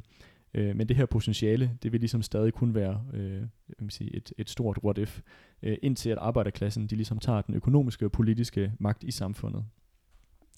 Øhm, og du, var, bare lige, du nævnte det der med, at, at de, alt det her sådan religiø, radi, hvad kan man kalde det, radikale og, og revolutionære, det var blevet skrevet ud eller mm. øh, nedtysset i øh, senere hen af den, af den kristne bevægelse eller den kristne kirke. Og det er også fuldstændig korrekt, fordi at med tiden, der slog kirken også over op i sin egen øh, sådan modsætning. Ja. Øhm, at den herskende klasse i Romeriet, den ligesom indså, at de kunne ikke knække den her kristne bevægelse med repression, altså med at slå ned på dem og ofre dem i gladiatorkampe til løver og alt andet, er andre interessante ting, de kunne finde på. Øh, så de ændrede ligesom deres taktik, og i stedet for så opkøbte de og korrumperede toppen af, af kirken, altså præsterne og biskopperne. Øhm, og vi så, hvordan at der hed det her sådan, ja, øh, biskopperne og præsterne, altså de gejstlige i kirken, øh, de begyndte mere og mere at leve et liv, der mindede om slaveejernes, end, de, end deres menige kristne øh, øh, hvad kan man sige, menighedsfolk. Øh, og med tiden der smeltede staten, øh, den romerske stat, og så øh, kirken smeltede mere og mere sammen. Og kirken endte med faktisk at blive en af de stærkeste støttepiller til forsvar for den herskende klasses udplyndring af flertallet. Øh, ikke bare i slavesamfundet, men også under feudalismen, og senere hen også i, i kapitalismen.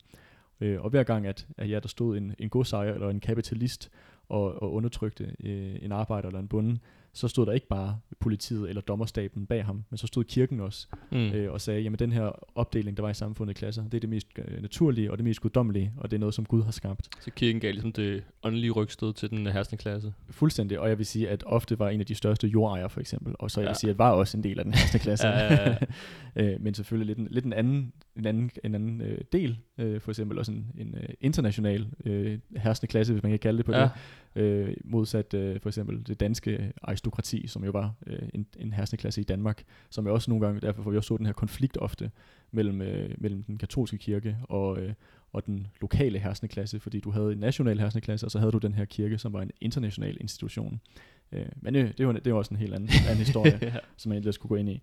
Øhm, ja, men det er også interessant, når man ser på kirkens udvikling, så minder det jo også lidt om det, vi har set i forhold til arbejderbevægelsen hvor vi jo har set, at, øh, at toppen af, af arbejderbevægelsen, altså de socialdemokratiske, de reformistiske partier, og så øh, fagforeningerne, at toppen af, toppen af de institutioner, at de ligesom er også blevet korrumperet og absorberet ind i det politiske system, ved at de er kommet under den herskende klasses øh, indflydelse, både øh, hvad kan man sige, politisk og, og ideologisk, men også sådan, og økonomisk, at toppen af fagforeningen i dag, at deres liv minder jo også lige præcis mere om arbejdsgivernes liv, end det gør om arbejdstagernes liv. Ja, de er blevet en del af sådan, det sociale fællesskab, som er i toppen af samfundet. Det er også det, man ser på de her eliteundersøgelser, der bliver lavet i Danmark. Mm. Nogle af de mest magtfulde mennesker i det her samfund, det er fagforeningsledere, mm. men det er fordi, de har forbindelser ud til, til resten af overklassen i mm. Danmark. Lige præcis. Så på den måde så deler arbejderbevægelsen og, og, og kirken deler øh, nogle, nogle fælles erfaringer, øh, lad os sige det sådan. Øhm, øhm, ja, så hvis man også ligesom skal opsummere den her udvikling, der var i kirken, så kan man sige, at den tidlige kristne øh, bevægelses drømme om lighed, de blev ligesom knust, og deres, øh, den her, det her revolutionære indhold, der var i deres bevægelse, at det blev øh, enten bevidst forsøgt at gemme væk, eller nedtysset, eller skrevet ud af de gejstlige senere hen øh, øh, og at øh, kirken gik fra ligesom at være de fattige og undertrykte stemme til at være en del af undertrykkerne øh, og forsvare den bestående klassedeling i samfundet. Øh, på, og på den måde så vil jeg sige, at kirkens top negerede fuldstændig kristendommens oprindelige idéer, tro og, og traditioner, som den ellers var baseret på.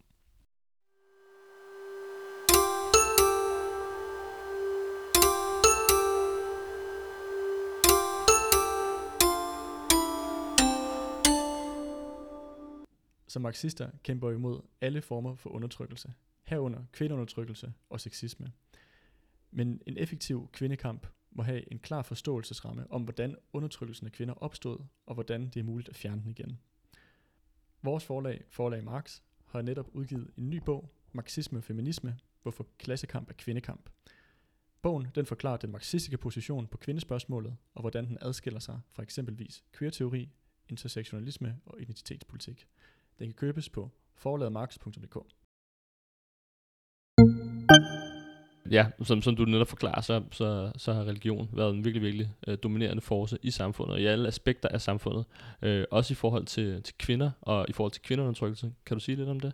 Ja, selvfølgelig, fordi at nu har vi jo snakket om, hvordan kristendommen det også ligesom er gået fra at være den her øh, kvinderne og slavernes religion, til at ligesom blive en del af den herskende klasse.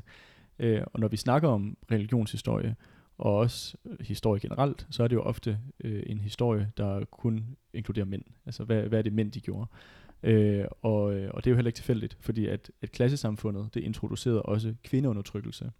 Øh, og jeg vil sige, at religion har igennem årtusinde været en drivkraft, som har opretholdt den her kvindeundertrykkelse, og som har holdt kvinder nede. Øh, stort set alle religioner har igennem årtusinder prædiket, at kvinder de er andenrangs borgere, og, øh, og ofte reduceret dem til, øh, til slavernes slaver, altså til, til mændenes slaver. Så hu- husslaver? Ja, husslaver. Øhm, og har kommet med alle mulige øh, former for argumentation for, at kvinder de er øh, urene, eller de er syndige, eller hvad det er, om det er arvesynden med, med Eva, der lukkede Adam i fordav, altså you name it. Øh, der er så mange, hvad kan man sige, religiøse øh, bes, øh, man sige, begrundelser, der er blevet brugt igennem tiden for, at kvinder skulle være mindre værd end mænd, øh, og have en, øh, en, en, en position som andragsborger. Øhm, ja, øh, men på paradoxal vis, så vil jeg sige, at så mange kvinder, de er faktisk tættere knyttet til religion, end mænd de er. Øh, lige præcis fordi, at mange kvinder, de, øh, de ser religion som en af de eneste måder, de kan få trøst og lindring for den undertrykkelse og smerte, de lige præcis oplever i det nuværende samfund, hvor de jo er undertrykt øh, massivt. Øhm, og noget, en af de ting, som jeg vil sige, at hvor et kirken eller tydeligst har, øh, har ligesom, øh, hvor den her kvindeundertrykkelse er kommet igennem, det er i forhold til det her med seksuelle relationer mellem mennesker øh, som jo er noget af det mest, øh, øh noget mest naturlige og, og smukke, det burde det i hvert fald være, at det har, der, det har kirken gjort til noget syndigt og noget øh, sådan foragteligt. Og hvis man ser på den øh, seksuelle moral, der prædikes i forhold til kvinder især, så er det jo det her med, at øh, kvinder, øh, de skal være kyske, øh, og det er jo lige præcis øh, afholdende øh, især også. Og det jo bliver jo nærmest dyrt, gjort til sådan et krav, eller en dyd i sig selv, der bliver dyrket. Og jeg synes også, det reflekteres meget godt i, at hvem er en af de største sådan, øh, religiøse symboler i kristendom? Det er den hellige jomfru, mm. jomfruen Maria. Altså det her med, hvordan at kristendommens kvindesyn, det vil jeg sige, det er især på seksualitet, det er afholdenhed, det er kyskhed, øh, at, øh, at, at seksualitet, det skal ligesom tæmmes hos kvinder øh, og undertrykkes. Ja, det er den ene side af det. Så på den anden side, så har der jo også været en stor del af den kristbevægelse, som er imod abort, ja, som ja. er imod, at man bruger prævention, for netop fordi, at det bliver reduceret kvinder til en, til en reproduktionsmaskine, mm, som bare præcis. skal føde børn. Lige præcis. Og det er også derfor, jeg vil også sige for mig at se, at det her kvindesyn, især på kvinders seksualitet, det er lige præcis er en refleksion af, hvad kan man sige, af den herskende klasses øh, historiske øh, Øh, interesse, så at sige. Altså det her med, med det, klasse, øh, det klassesamfundet opstod, der den herste klasse, den bestod, og består det sådan set stadig i dag, hovedsageligt af mænd, og de her, øh, de her mænd, den herste klasse, som havde den her ejerskabet over, over rigdom og produktionsmidlerne, de ville jo gerne give den rigdom videre til de næste generationer, men øh, de ville også gerne vide og være sikre på, at de, øh, det afkom, de fik, at det også rent faktisk var deres biologisk set. Så vi så jo også, at, at kvinder, at, øh, at de blev, øh, hvad kan man sige, øh, der de blev påbudt streng monogami. Øh, altså hvor de nærmest blev låst, låst, øh, låst inde derhjemme, øh, som man så i antikken for eksempel, hvor kvinder ofte ikke havde lov til at gå ud fra deres huse, hvis du i hvert fald både kom fra en, en velhavende familie. Øh, så jeg vil sige, at den her seksuel moral, som der prædikes af religion og kirken, at det, det er for mig at se en, øh, en, hvad kan man sige, en fortsættelse af en kvindeundertrykkelse, som strækker sig over tusindvis år tilbage til klassesamfundets oprindelse. Øhm, og, og lige jo bare lige en, en lille, hvad kan man sige, øh, hey, i for, eller lille øh, pointe i forhold til det her med også med, med Jomfru Maria, øh, fordi at hun er også en af de religiøse, øh, hvad kan man sige, hvis du nogensinde har set et billede af Jomfru Maria, så vil jeg mm. sige, at så er der stor chance for, at du har set hende afbildet som sørgende. Hun er sjældent øh, vist som sådan en øh, triumferende sådan helt inde. Det er ofte som om, at hun er sådan en lidende eller sørgende karakter. Øh, og jeg vil sige, at det er heller ikke tilfældigt, at især kvinder og fattige, at, øh, at hun er en af deres foretrukne øh, ikoner at dyrke. Og jeg vil sige, at det er fordi, hun er en af de eneste guder, der rent faktisk virker til at reflektere den her lidelse og den her sorg, som ja, især kvinder og fattige, de oplever i deres, øh, i deres jordiske liv, hvor at mange af andre guder, at det er ikke ligefrem, fordi det er den øh, hvad kan man sige, verdens øh, oplevelse, de repræsenterer øh, i deres øh, måde, og, øh, og, og når, når vi ja, bliver præsenteret for dem, for mig at sige. Øhm, men jeg synes, det, det er ret åbenlyst, at, at øh, historisk set, så, øh, så har religion, det har øh, stået i direkte modsætning til fri, kvindefrigørelse at, øh, at tværtimod så har religion været en af, de, en af drivkræfterne bag rent faktisk at undertrykke kvinder, øh, og gøre dem til ja, øh, mændenes slaver, eller hvad man skal kalde dem. Øh, og, og det er jo ikke kun øh, før i tiden, det er jo også, som du nævner i dag, med det her med øh, angreb på kvinders ret til at bestemme over deres egen krop, i forhold til abort mm. for eksempel. Øh, hvor du jo har øh, set en offensiv i nogle lande, for eksempel som Polen eller USA, øh, hvor at, øh, at det er jo de her konservative religiøse kræfter, som der, øh, som der prøver at rulle nogle af kvinders øh, rettigheder tilbage. Men også heller ikke tilfældigt, at i land som Danmark er det eneste parti, som der går ind for at, øh, at fjerne abortretten. Det er kristendemokraterne. altså, ah, det, er, det er på den måde det her med, at øh, angreb mod øh, kvinders rettigheder, og jeg vil sige et øh, kvindeundertrykkelse generelt, er stort set altid forbundet med religion, de religiøse institutioner, øh, og det er ikke tilfældigt. Tværtimod så har det sin historiske oprindelse i, at religion lige præcis er det her øh, hvad kan man sige, redskab for den herskende klasse, der opretholder klassesamfundet og den herskende klasses interesser. Ja, jeg synes, det var en virkelig god point i forhold til den forbindelse, du lavede mellem klassesamfundets opståen, kvindeundertrykkelse og så den rolle, som øh, religion øh, har spillet i det her. Mm-hmm. Men man kan sige, kristendom, hvis man ser i en europæisk kontekst, så blev ved med at spille en stor rolle, øh, også efter den, kan man sige, ligesom fik øh, stor udbredelse. Ja, ja, ja. Altså, hvad kan vi sige, at, øh, at, øh, at kristendommen har jo, har jo spillet en, en kæmpe stor rolle i, øh, i, hvad kan man sige, i øh, især i europæisk historie. Men det er jo ikke fordi, at kristendommen som sådan et abstrakt øh, fænomen i sig selv spiller en stor rolle, men der er rigtig mange af den klassekamp, som har eksisteret i middelalderen for eksempel, det er blevet udtrykt igennem religion. Øh, altså at når for eksempel bønderne, eller de her øh, borgerskabet, eller de spæde borgerskaber, der senere skulle blive til borgerskabet, når de for eksempel kæmpede mod øh, den feudale orden og aristokratiet, jamen så blev deres kamp, det blev ligesom udtrykt igennem religiøs sprog, eller igennem religiøse bevægelser. Øhm, og det er også interessant, hvordan de her for eksempel de her forskellige religiøse grupperinger, at de ligesom også reflekterer forskellige gruppers politiske interesser. Øhm, her i Danmark, der kender vi jo Lutherdommen, det er jo den officielle øh, statskirke her i Danmark, det er jo den øh, lutherske øh, protestantiske kirke. Øh, men Lutherdommen og kalvinismen, vil jeg sige, det er for eksempel to grene af protestantisme, som der øh, meget tydeligt øh, og traditionelt set har øh, præsenteret og reflekteret borgerskabets interesser, øh, deres økonomiske og politiske interesser. Og på den anden side, så har man så også nogle, af de, øh, nogle andre grene af kristendom, som for eksempel øh, anabaptisterne, eller øh, de engelske levelers, øh, eller sådan en gut som Thomas øh, Münster i Tyskland, som jeg vil sige, de her bevægelser for eksempel, som også er protestanter, at de reflekterede de undertrykte massers interesser. Og de havde sådan nogle kommunistiske idealer. Ja, lige præcis. De havde, de, de havde lige præcis kommunistiske idealer om at, øh, at, hvad kan man sige, skabe lighed og skabe et paradis på jorden og alle de her ting. Øh, modsat hvis man tager for eksempel kalvinismen, så øh, kalvinismen mener jo, at, øh, at øh, der er jo kun et vis antal pladser i himlen, og, øh, og du kan rent faktisk se i dit nuværende liv, om du er en af de heldige, der er blevet udvalgt til at komme i himlen. Og måden du kan se det på, det er, hvis du har øh, god vind i sejlene i forhold til forretnings... Øh, ah. Så rige folk, der er rige i det her liv, det er fordi, de er udvalgt på forhånd af Gud, til at de kommer i himlen. Det er smart. Det er rigtig smart. Og jeg vil sige, på den måde, så er det også meget tydeligt, hvad for et, en klasses øh, økonomiske og politiske program og idéer er det sådan set, den her religiøse, forskellige religiøse bevægelser, de reflekterer det er jo ikke tilfældigt, at det, at det var alle de rige, der var kalvinister for eksempel. Nej, ingen anden årsag. og at alle de fattige, som var øh, for eksempel fulgte, øh, var tilhængere af Thomas Münster. Øhm, så på den måde, så vil jeg sige, at så har den klassekamp, der eksisterer i samfundet, som altid har drevet samfundet frem, den har ofte fået et udtryk inden for religion. Øhm, men det er interessant, fordi når vi, op til, når, vi op til, når vi kommer op til 1800-tallet, så begynder vi også at se, at massernes bevidsthed også begynder at nå et niveau, hvor deres politiske program og deres idéer, at det ikke længere begynder at blive formuleret igennem religion, men det rent faktisk begynder at blive formuleret selvstændigt, ofte i opposition til kirken og i religion i det hele taget. Øhm, og, øh, og det som vi ser, der ligesom bliver den primære organisation eller idésæt, som der begynder at udtrykke arbejderklassen og de store, ja bønderne for den sags skyld også i et vis omfang, deres interesser, det er, øh, det er arbejderbevægelsen. Øh, en bevægelse, som der kæmper mod det bestående system herunder øh, kirken.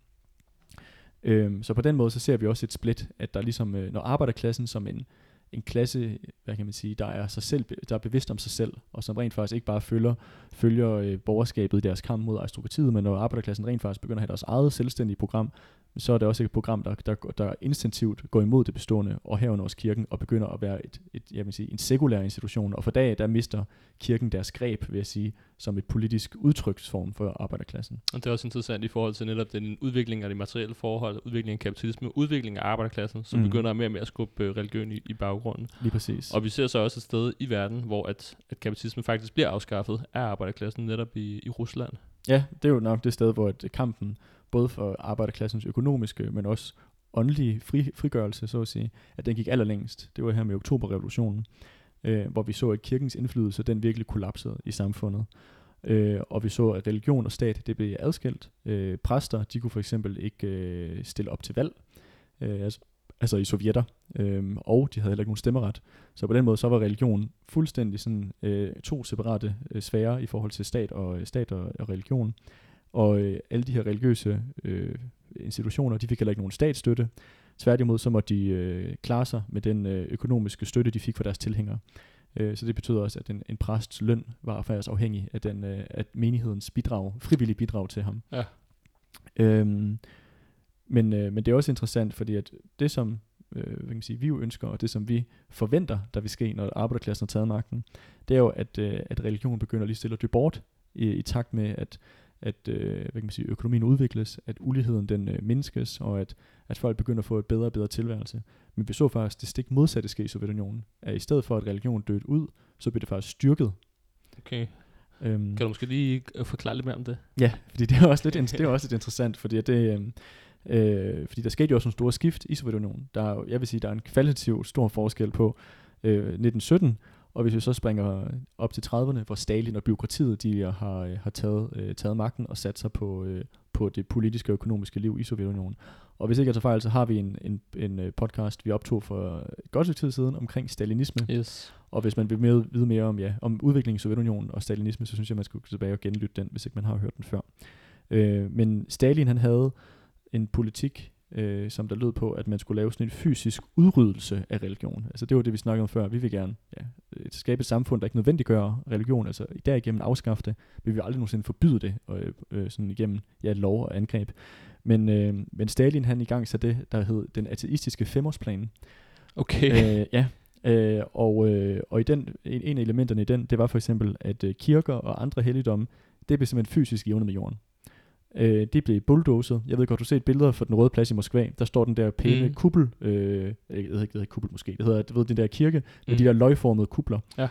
Øh, det er jo en kopi af den oprindelige. Den oprindelige, den blev faktisk øh, de, øh, destrueret under Stalin. Ah, Øh, så det er en genopførsel, den der er i dag. ja. Og det er jo super logisk, altså man fjerner religion ved at fjerne deres bygninger. Ja, lige præcis- lige præcis, så, ja. så er det der ikke mere. Øhm, og det var også, og det var noget, som Lenin han havde også advaret imod. Det her med, hvis man ligesom kører den her form for øh, taktik, jamen så vil man sådan set kun øh, skabe det modsatte effekt af, hvad man ønskede. Øh, fordi du vil rent faktisk, religiøse mennesker vil ikke, hvad kan man sige, det vil ikke skabe entusiasme omkring det nye samfund, man er i gang med at bygge for normale religiøse arbejdere. Tværtimod så vil det presse arbejdere i sådan en defensiv, øh, altså arbejdere, der var religiøse vel at mærke, øh, hvor man ville støde dem på, Øh, man sige, op. Jeg vil sige, det er ganske legitimt, at du føler dig stødt, hvis, din, hvis den, det helligste sted for dig, det bliver jævnet med jorden at det regime, der samtidig påstår, at øh, vi er i gang med at gøre dit liv bedre og skabe mere lighed og frihed for dig. Øh, så du ligesom, du, på den måde så skubbede du faktisk store dele af arbejderklassen over i armene på de her præster, som der ellers havde mistet enhver form for legitimitet blandt, øh, blandt befolkningsøjne. Og det satte ligesom øh, skub, kastede ligesom bål, hvad hedder det, benzin på et, øh, på et bål, der var ved at gå ud i forhold til religiøsitet, men ligesom gav det ny næring øh, til, at, øh, at, øh, at mange mennesker, de ligesom øh, ja, genvandt deres tro på religion, så at sige, som resultat af den øh, aggressive til, tilgang, der var for, for byråkratiet. Og dermed var det med til at styrke religion i Sovjetunionen. Øhm, og man så det også, øh, der jeg vil sige en af de andre eksempler, hvor, at, øh, hvor vi også så det, det var i Centralasien, hvor, at, øh, hvor du har en hovedsagelig muslimsk befolkning, der bor. Øhm, og øh, der havde du der begyndt på en kampagne om at bygge skoler, for eksempel. Som nu skulle, nu skulle folk øh, komme, øh, blive uddannet, øh, få, blive forsynet med ja, et videnskabeligt syn på verden og, verden og dem selv. Øhm, og der var mange, øh, mange øh, kvinder, og, øh, og især døtre til familier, som der øh, bare tørklæde.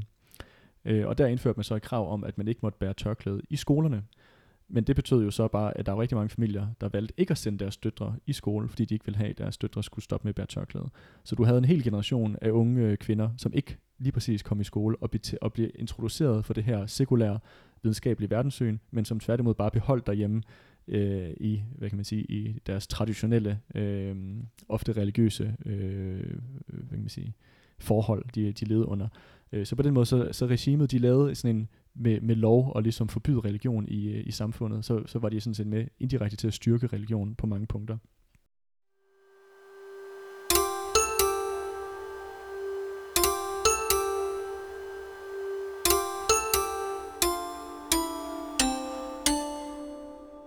Men ligesom med meget andet med stalinismen, som der havde det med zigzag og vende 180 grader øh, over natten på øh, til sydladerne, øh, uden at rigtig forklare, hvorfor de ændrede position, så øh, ændrede byråkratiet også deres position på religion, og gik fra at bekæmpe religion til at inkorporere det, øh, og gøre det en del af sovjetstaten.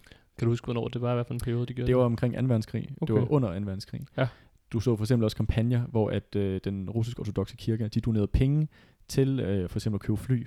Så så du sådan nogle annoncer for eksempel i aviserne, hvor at en eller anden øh, lokal præst for øh, Sibirien, han gav det her beløb til at købe en, øh, hvad kan man sige, en, øh, et, øh, ja, et fly for eksempel. Og ofte så de her, til de her beløb, som de her presser doneret, det kunne svare til måske 40 gange en årsløn for en normal arbejder. Hvilket også siger lidt om, hvor, mange, hvor meget penge, øh, som den ortodoxe kirke havde formået ligesom at få akkumuleret på det tidspunkt. Mm. At, øh, at folk var villige til at, at give rimelig store mængder penge til kirken, fordi at, øh, at de tydeligvis stadig havde behov for religion under Sovjetunionen, på grund af, jeg vil sige, i, st- i stor omfang stalinismens og, og Stalins byråkratiets øh, position. Alright. Men kan man så lægge alt skylden på, kan man sige, den her religiøse opblomstring i Sovjetunionen over på, på Stalins skuldre? Altså jeg vil sige, at du kan, der, der er flere ting af det. Jeg vil sige, der er jo selvfølgelig de materielle omstændigheder i det her med, at, at, øh, at du rent faktisk ikke kunne tilfredsstille alles behov. At alle de kunne ikke få, øh, du kan ikke sikre nok til alle.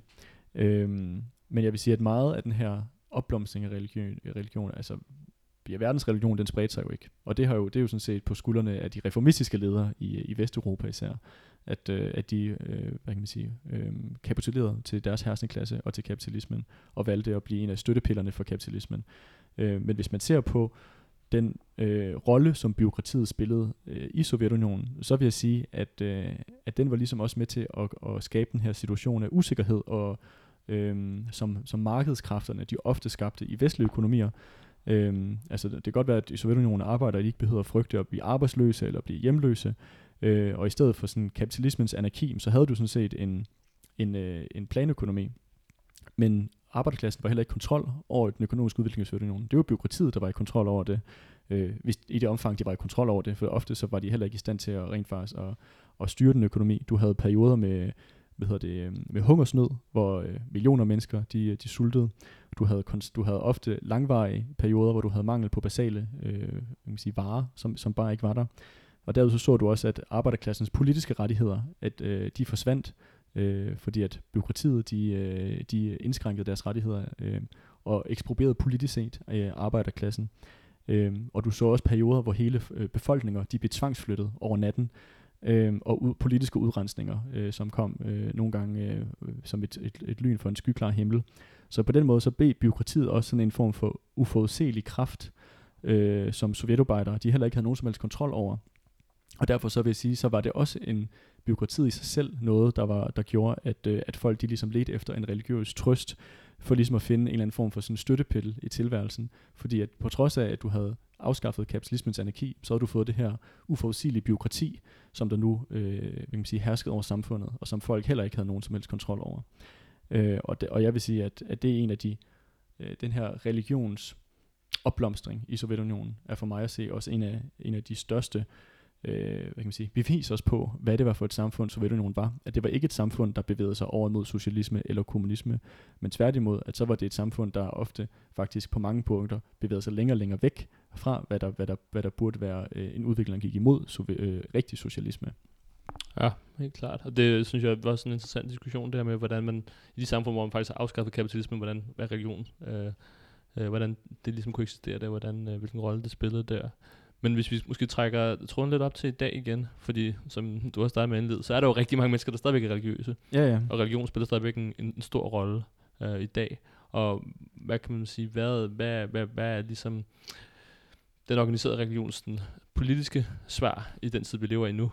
Ja, det er, det er et meget interessant spørgsmål, du stiller, Rasmus. Øhm, hvis du går ned i kirken på, øh, på søndag, ned til gudstjeneste, Yes. det er faktisk søndag i dag, så du er allerede for sent på den. Satans. Øh, Åh, se mig ikke på men, øh, men hvis du går ned til ja, kirken eller moskeen, eller hvad det nu måtte være for et øh, religiøs institution, som, øh, som man vil gå ned til, jamen så vil du formentlig få at vide, at vi tilhører en eller anden form for religiøst broderskab eller fællesskab, hvor vi alle sammen er lige i Guds øjne. Øhm, og jeg vil sige, at den her måde at se verdenssyn, verden på, det her verdenssyn, øh, den her idé, øh, jeg vil sige, det er et forsøg på at udviske de klasseskæld, der eksisterer i samfundet, øh, og prøve at, øh, at udskifte øh, et, et, et verdenssyn, som der er bevidst om klasseskæld, med et øh, andet verdenssyn, som der idealiserer et eller andet form for religiøst fællesskab, som der af en eller anden årsag transcenderer de klasseskæld, som der er i samfundet. For, øh, for jeg vil sige, at lige så snart, at, øh, at gudstjenesten den er forbi, og menigheden den øh, går ud fra kirken ud i samfundet, men så vil den øh, kristne kapitalist vil blive ved med at undertrykke den og udbytte den kristne arbejder, lige så vel som det var, inden øh, gudstjenesten den gik i gang. Øh, så det kan godt være, at begge, både den kristne kapitalist og den kristne arbejder, at de er lige i Guds øjne, Men jeg vil sige, i det her jordiske, kapitalistiske samfund, at der er deres, øh, deres liv karakteriseret både af social, økonomisk og politisk ulighed. Øh, så der er ikke noget lighed at hente her. Øhm, og jeg vil sige, at det her kristne krav om, at man for eksempel skal behandle andre som sin næste, det er jo fuldstændig absurd i et samfund, der er baseret på klasseundertrykkelse. Fordi i realiteten så betyder det jo, at du, at præsten står og prædiker over for arbejderklassen, at de personer, som der undertrykker dem, og de personer, der udbytter dem, at dem skal arbejderklassen behandle med åbne arme, øh, åbne arme og solidaritet og, øh, øh, og være hvad kan man sige, øh, passiv overfor i forhold til at ikke kæmpe igen. Øh, og jeg vil sige, at det er fuldstændig øh, kriminelt øh, at forlange, at arbejderklassen de skal vende den anden kendt til og tilgive deres undertrykker, at de øh, tilgive dem de øh, hvad kan man sige, forværinger, de oplever i deres liv, de angreb, der er på deres, øh, deres, øh, deres arbejdsforhold, deres lønforhold, alle de her ting. Øhm, og jeg vil sige, alle de her idéer, som er ja, næstekærlighed i forhold til kristendommen, eller vende den anden kendt til, jeg vil sige, det er idéer, som der er med til at sænke arbejderklassens øh, bevidsthed, deres klassebevidsthed, om, om ja, klassesamfundet, øh, og også den styrke, som de har i samfundet, i form af deres økonomiske position, øh, og der er med også deres mulighed for at forandre samfundet. Øhm, og så jeg vil sige, at de her idéer, de prædiker passivitet. De, de prædiker, et, øh, at arbejderklassen de skal acceptere det nuværende system, mm. den nuværende øh, ulighed, klassedeling, der er. Øhm, og det er øh, øh, at acceptere de nedskæringer og de angreb, som de må, øh, de må opleve. Øhm, og, og det er jo ikke bare, øh, hvad kan man sige, det er jo, det er jo ikke fordi, at, at præsten står for prædikestolen og siger, kapitalisme og, under, og hvad hedder det, undertrykkelse og udbytning og, øh, og ulighed er mega fedt, men det er jo konsekvensen af, det der, af de idéer, der bliver prædiket. Øh, det er jo sådan set et forsvar for det nuværende system, til forsvar for øh, kapitalisternes øh, privilegier, til forsvar for det, de nuværende ejendomsforhold, øh, til, nuværende, til forsvar for klassesamfundet. Og i modsætning ja, til, øh, til præsterne, der prædiker passivitet, så prædiker vi klassekamp. Altså, vi, vi, og vi prædiker internationalistisk øh, solidaritet på tværs af arbejderklassen øh, verden over, i stedet for sådan en øh, fiktiv øh, næstekærlighedsideal, der, der skulle foregå mellem på tværs af arbejdere og kapitalister. Og som ikke har nogen mulighed for at eksistere i det og her som ikke har nogen mulighed for at eksistere i det her mm. samfund, ja. Ja, og kunne, måske kunne du også komme lidt mere ind på det her med, hvor vores programmer er i forhold til religion, hvad vi egentlig kæmper for. Ja, øh, Engels og Lenin, øh, de har især skrevet meget om, øh, om religion. Og de, øh, de formulerede, at øh, i forhold til, til staten, så er religion et rent personligt anlæggende. Øhm, og hvad betyder det så? Øhm, det betyder, at vi kæmper for et samfund, hvor staten det ikke har noget at gøre med religion, øh, hvor ingen religiøse institutioner de må være forbundet med staten. Et samfund, hvor øh, enhver må være fri til at udøve den, øh, den religion, de ønsker, eller ingen religion for den sags skyld. Og det er jo ofte så, at vi øh, socialister, vi er øh, ateister, så vi vil nok ikke ud, udføre, udføre, hvad hedder man sige, praktisere nogen religion. Øhm, men dermed ikke sagt, at andre folk, der er religiøse, øh, religiøse de ikke må praktisere religion. Jeg, jeg vil sige, at det er deres øh, hvad kan man sige, politiske ret, at religiøse folk, de må, de må praktisere deres religion, som de ønsker det. Selvfølgelig så øh, på et forhold, hvor det ikke øh, kan sige, øh, undertrykker andre folk øh, men at de skal have ret til at praktisere religion, øh, og den religion, de vil gerne vil tilhøre. Præcis, og det synes jeg også har en, har en ret vigtig relation i forhold til, hvad vi ser i Danmark i dag. Fordi der er der jo den her politiske forfølgelse af, af muslimer, mm-hmm. hvor at der kommer alle mulige øh, angreb på muslimer, og alle mulige indskærpinger, anskærpinger i forhold til deres religiøse frihed hvor man kan sige, at vi, vi støtter jo ikke islam som religion, og vi støtter ikke sådan... Øh, imamerne. Nej, imamerne ja. eller det organiserede islamiske øh, trosamfund, men det vi støtter, det er, at alle har, øh, kan man sige, frihed til at dyrke øh, mm. religion på den måde, som de har til, hvor de ikke undertrykker andre. 100%, og jeg vil sige, at det, det som vi ser med den her hets, der er mod religiøse mindretal, især muslimer i Danmark, det er vanvittigt reaktionært. Fordi det har jo også til mål at, at hvad kan man sige, opdele arbejderklassen på, øh, på et spørgsmål, som jeg vil sige, som ikke er det essentielle. Altså det her med, det er jo, arbejderklassen er jo opdelt på alle mulige lederkanter, sprog, øh, seksualitet, religion, alle mulige ting. Men det, som vi er fælles omkring, det er jo, at vi er øh, arbejder, og vi er udbyttet som klasse. Øh, men den her klasse prøver hele tiden at dele os op på alle mulige lederkanter. Og et af de spørgsmål, hvor de prøver at dele os op på, det er det her med religion. Hvor et lige pludselig, så er den største trussel for danske øh, kristne eller ateistiske arbejdere, det er lige pludselig, at der er muslimer i det her land.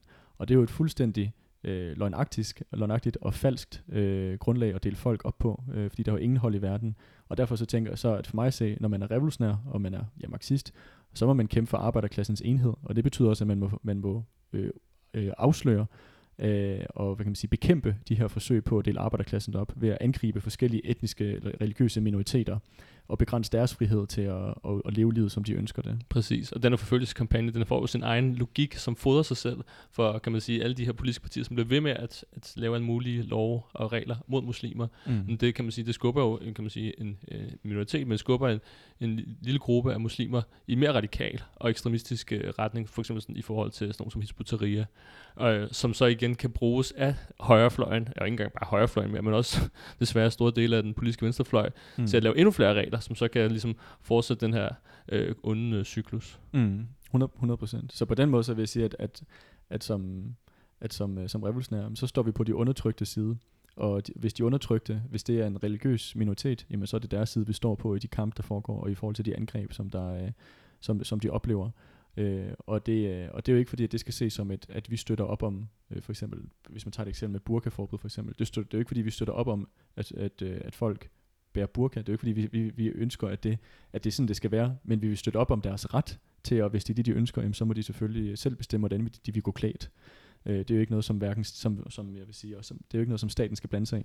Nej, og det er øh, også vildt nok, at de, at de folk, der har indført det her forbud, de lige pludselig begynder, og som ofte kritiserer sådan nogle, kan man sige, øh, islamistiske regimer nede i Mellemøsten, at, at nu begynder de at skulle bestemme, hvad for noget tøj man skal have mm. på, som jo er mega krænkt over for den personlige frihed. Mm. At folk skal komme og sige til, hvad, hvad, hvad du må gå på, med, hvad du må gå med, hvad du ikke må gå med. Ja, ja 100 procent. Det er enormt hyklerisk. Øh, vanvittigt hyklerisk. Øh, og hvis man sige, det er jo også en bjørnetjeneste over for de kvinder, fordi jeg vil sige, at øh, jeg kunne forestille mig, at de kvinder, som der, øh, som der, hvor mange af dem de går med burka, det er jo måske heller ikke mod deres eget øh, frivalg, øh, altid nødvendigvis. Og hvis de nu bliver tvunget til at skulle gå med det, øh, eller ikke må gå med det i offentligheden, så vil jeg jo måske også forestille mig, at der er mange af dem, som der så bare vil blive holdt endnu mere hjemme, øh, og, og den, hvad kan man sige, omgang, de har med offentligheden, vil blive begrænset øh, i forhold til, hvad den var før. Så jeg vil sige, det er også enormt hult.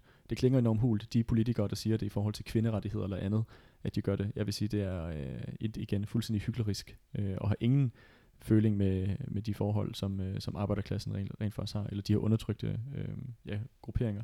Og virkelig et, et eksempel på, at, at du har et politisk establishment og et, øh, og et system i dag, hvor, det er, hvor de forsøger at dele arbejderklassen op på alle mulige ja, arbitrære øh, spørgsmål. Øh, øh, for eksempel det her med ja, øh, religion, øh, som vi som revolutionære må, øh, må kæmpe imod og, øh, og afsløre for deres hykleriske indhold. Øh, ja. En ting, som, som, hvad kan man sige, som, så jeg vil sige, efter, en efter vi har haft en revolution, og arbejderklassen har taget magten, øh, så vil det jo også sige, at vi skal stoppe det her samarbejde med den øh, danske statskirke. Den må stå på egne ben, øh, den danske folkekirke. Øh, fordi at, at for os at se, så er der ikke nogen kirkeinstitutioner, som der skal understøttes af statsbudgetter. Øh, og der er heller ikke noget, øh, nogen religioner, der skal prædikes i skolen, så det vil sige væk med kristendom, som øh, ellers er på skoleskemaet i de fleste skoler. Øh, og derudover så, øh, så hvis folk de ønsker at praktisere en religion, så må de finansiere det øh, igennem deres egne øh, donationer for menigheden. Øh, og jeg synes også, at at hvis man ser på, øh, på de her religiøse øh, øh, folk, der lever religion, for eksempel præster eller andet, hvis det er, de rent faktisk virkelig tror på magten i de budskaber og de idéer, de prædiker, så har de nok heller ikke noget imod øh, at blive finansieret af deres egne menigheder, hvis de rent faktisk har så stor tiltro til, at det, de prædiker, det er Guds ord, og det er sandt. Fordi at det er jo også rimelig hyklerisk, at, øh, at mange, øh, kan man sige, at præster og biskopper og andet i dag, at de lever jo af arbejderklassens skattekroner, som de får igennem deres, øh, deres, deres løn. Øhm, så ja, hvis de virkelig tror på det, de prædiker, jamen så, øh, så må jeg sige, jamen så har de da heller ikke noget mod at blive finansieret deres menigheder. Øhm, men, øh, men klassesamfundets linker, øh, det er heller ikke kun materielle, det er også åndelige og, og mentale, øh, og alle de, øh, hvad kan man sige, øh, årtier, vi har levet, eller århundreder, vi har levet, så at sige, med åndelig underdanighed, at det har ligesom også sat sig nogle spor, og når vi kommer på den anden side af en revolution, jamen så vil det også være så vil vores, vores bevidsthed vil ligesom også være mærket af, af det liv, vi har levet inden revolutionen. Øh, så der er nok også mange folk, som der vil blive ved med at være religiøse, øh, når vi står på den anden side af en revolution. Øh, men når først de materielle forhold de forandres, så tillader det også, at deres bevidsthed den rent faktisk også kan ændres. Øh, Marx sagde de her meget berømte ord, øh, at den menneskelige bevidsthed øh, bestemmes af deres sociale eksistens, eller deres sociale forhold. Øh, og når først folks sociale forhold begynder at ændres, jamen, så skaber det for os rammerne for, at deres bevidsthed kan begynde at ændre sig. Øhm, og vi var også inde på før det her med, at religion, det ligesom påstår at prædike idéer som næstekærlighed og gavmiddelhed og sådan nogle andre øh, fine, fine ord. Øhm, men jeg vil sige, at de her idéer, de kan ikke realiseres under kapitalismen og under klasse, øh, øh klassesamfundet. Øh, fordi at de, de materielle forhold under det nuværende system, det øh, skaber et behov for øh, fremmedgørelse og mistillid blandt mennesker. Øh, så hvis vi kan skabe et samfund, hvor normen for menneskelig adfærd, at det rent faktisk bliver ja, solidaritet og gensidig respekt, så bliver vi også nødt til at ændre de materielle forhold, som folk de lever under. Øh, vi er nødt til ja, at have et, øh, en socialistisk øh, omdannelse af samfundet. Øh, når først at arbejderklassen de kontrollerer deres egen skæbne og samfundet omkring dem, så, øh, så har de heller ikke brug for det her religiøse trøst i deres tilværelse. Og i stedet for den her, øh, i stedet for at koncentrere ens energi om, øh, om et liv hensidigt støden, jamen så begynder vi også at kunne koncentrere os om at gøre det her liv i det her liv øh, så tilfredsstillende og smukt som overhovedet muligt. Øhm, og jeg vil sige, at øh, når først vi har skabt et paradis på jorden, så behøver vi ikke øh, et efter døden.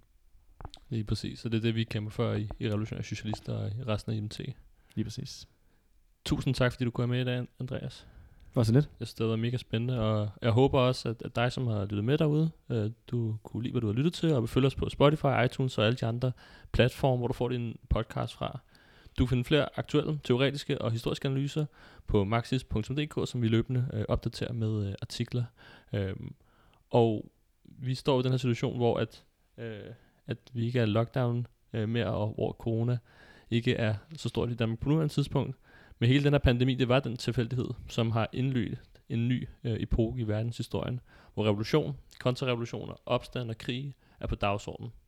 I denne situation er det vigtigere end nogensinde før at opbygge en revolutionær organisation, således at vi ikke blot bliver reduceret til tilskuere i de historiske begivenheder, som udfolder sig, men som i stedet gør os i stand til at intervenere i dem og ændre historiens gang. For at det kan lade sig gøre, har vi brug for ressourcer. Vi beder derfor om din hjælp, om at støtte os økonomisk. Det kan du gøre ved at gå ind på revosok.dk-bliv-medlem. Her kan du blive B-medlem, hvor du overfører et fast beløb om måneden, og til gengæld får vores avis, Revolution. Vi har ingen rig bagmand, og får heller ingen støtte fra staten, ligesom kirken gør. så, alle bidrag vil blive taget imod med kysshånd. De eneste indtægter, vi har, øh, kommer fra arbejder og unge, som bakker op om kampen for socialisme og for en bedre verden. Coronapandemiens haven, den nye økonomiske krise og de sociale opstande, som vi ser overalt i verden, senest der i USA, er alle tegn på et rådent system, som på ingen måde kan skabe fremskridt for det store flertal. Kapitalismen må lægges i graven, en gang for alle, hvis vi vil sikre os en fremtid. Jeg vil derfor opfordre dig til at gå med i kampen i dag og organisere dig hos os i Revolutionære Socialister, IMT. Kontakt os via Facebook, gå ind på revolution.dk eller duk op til vores møde. Tak for den gang.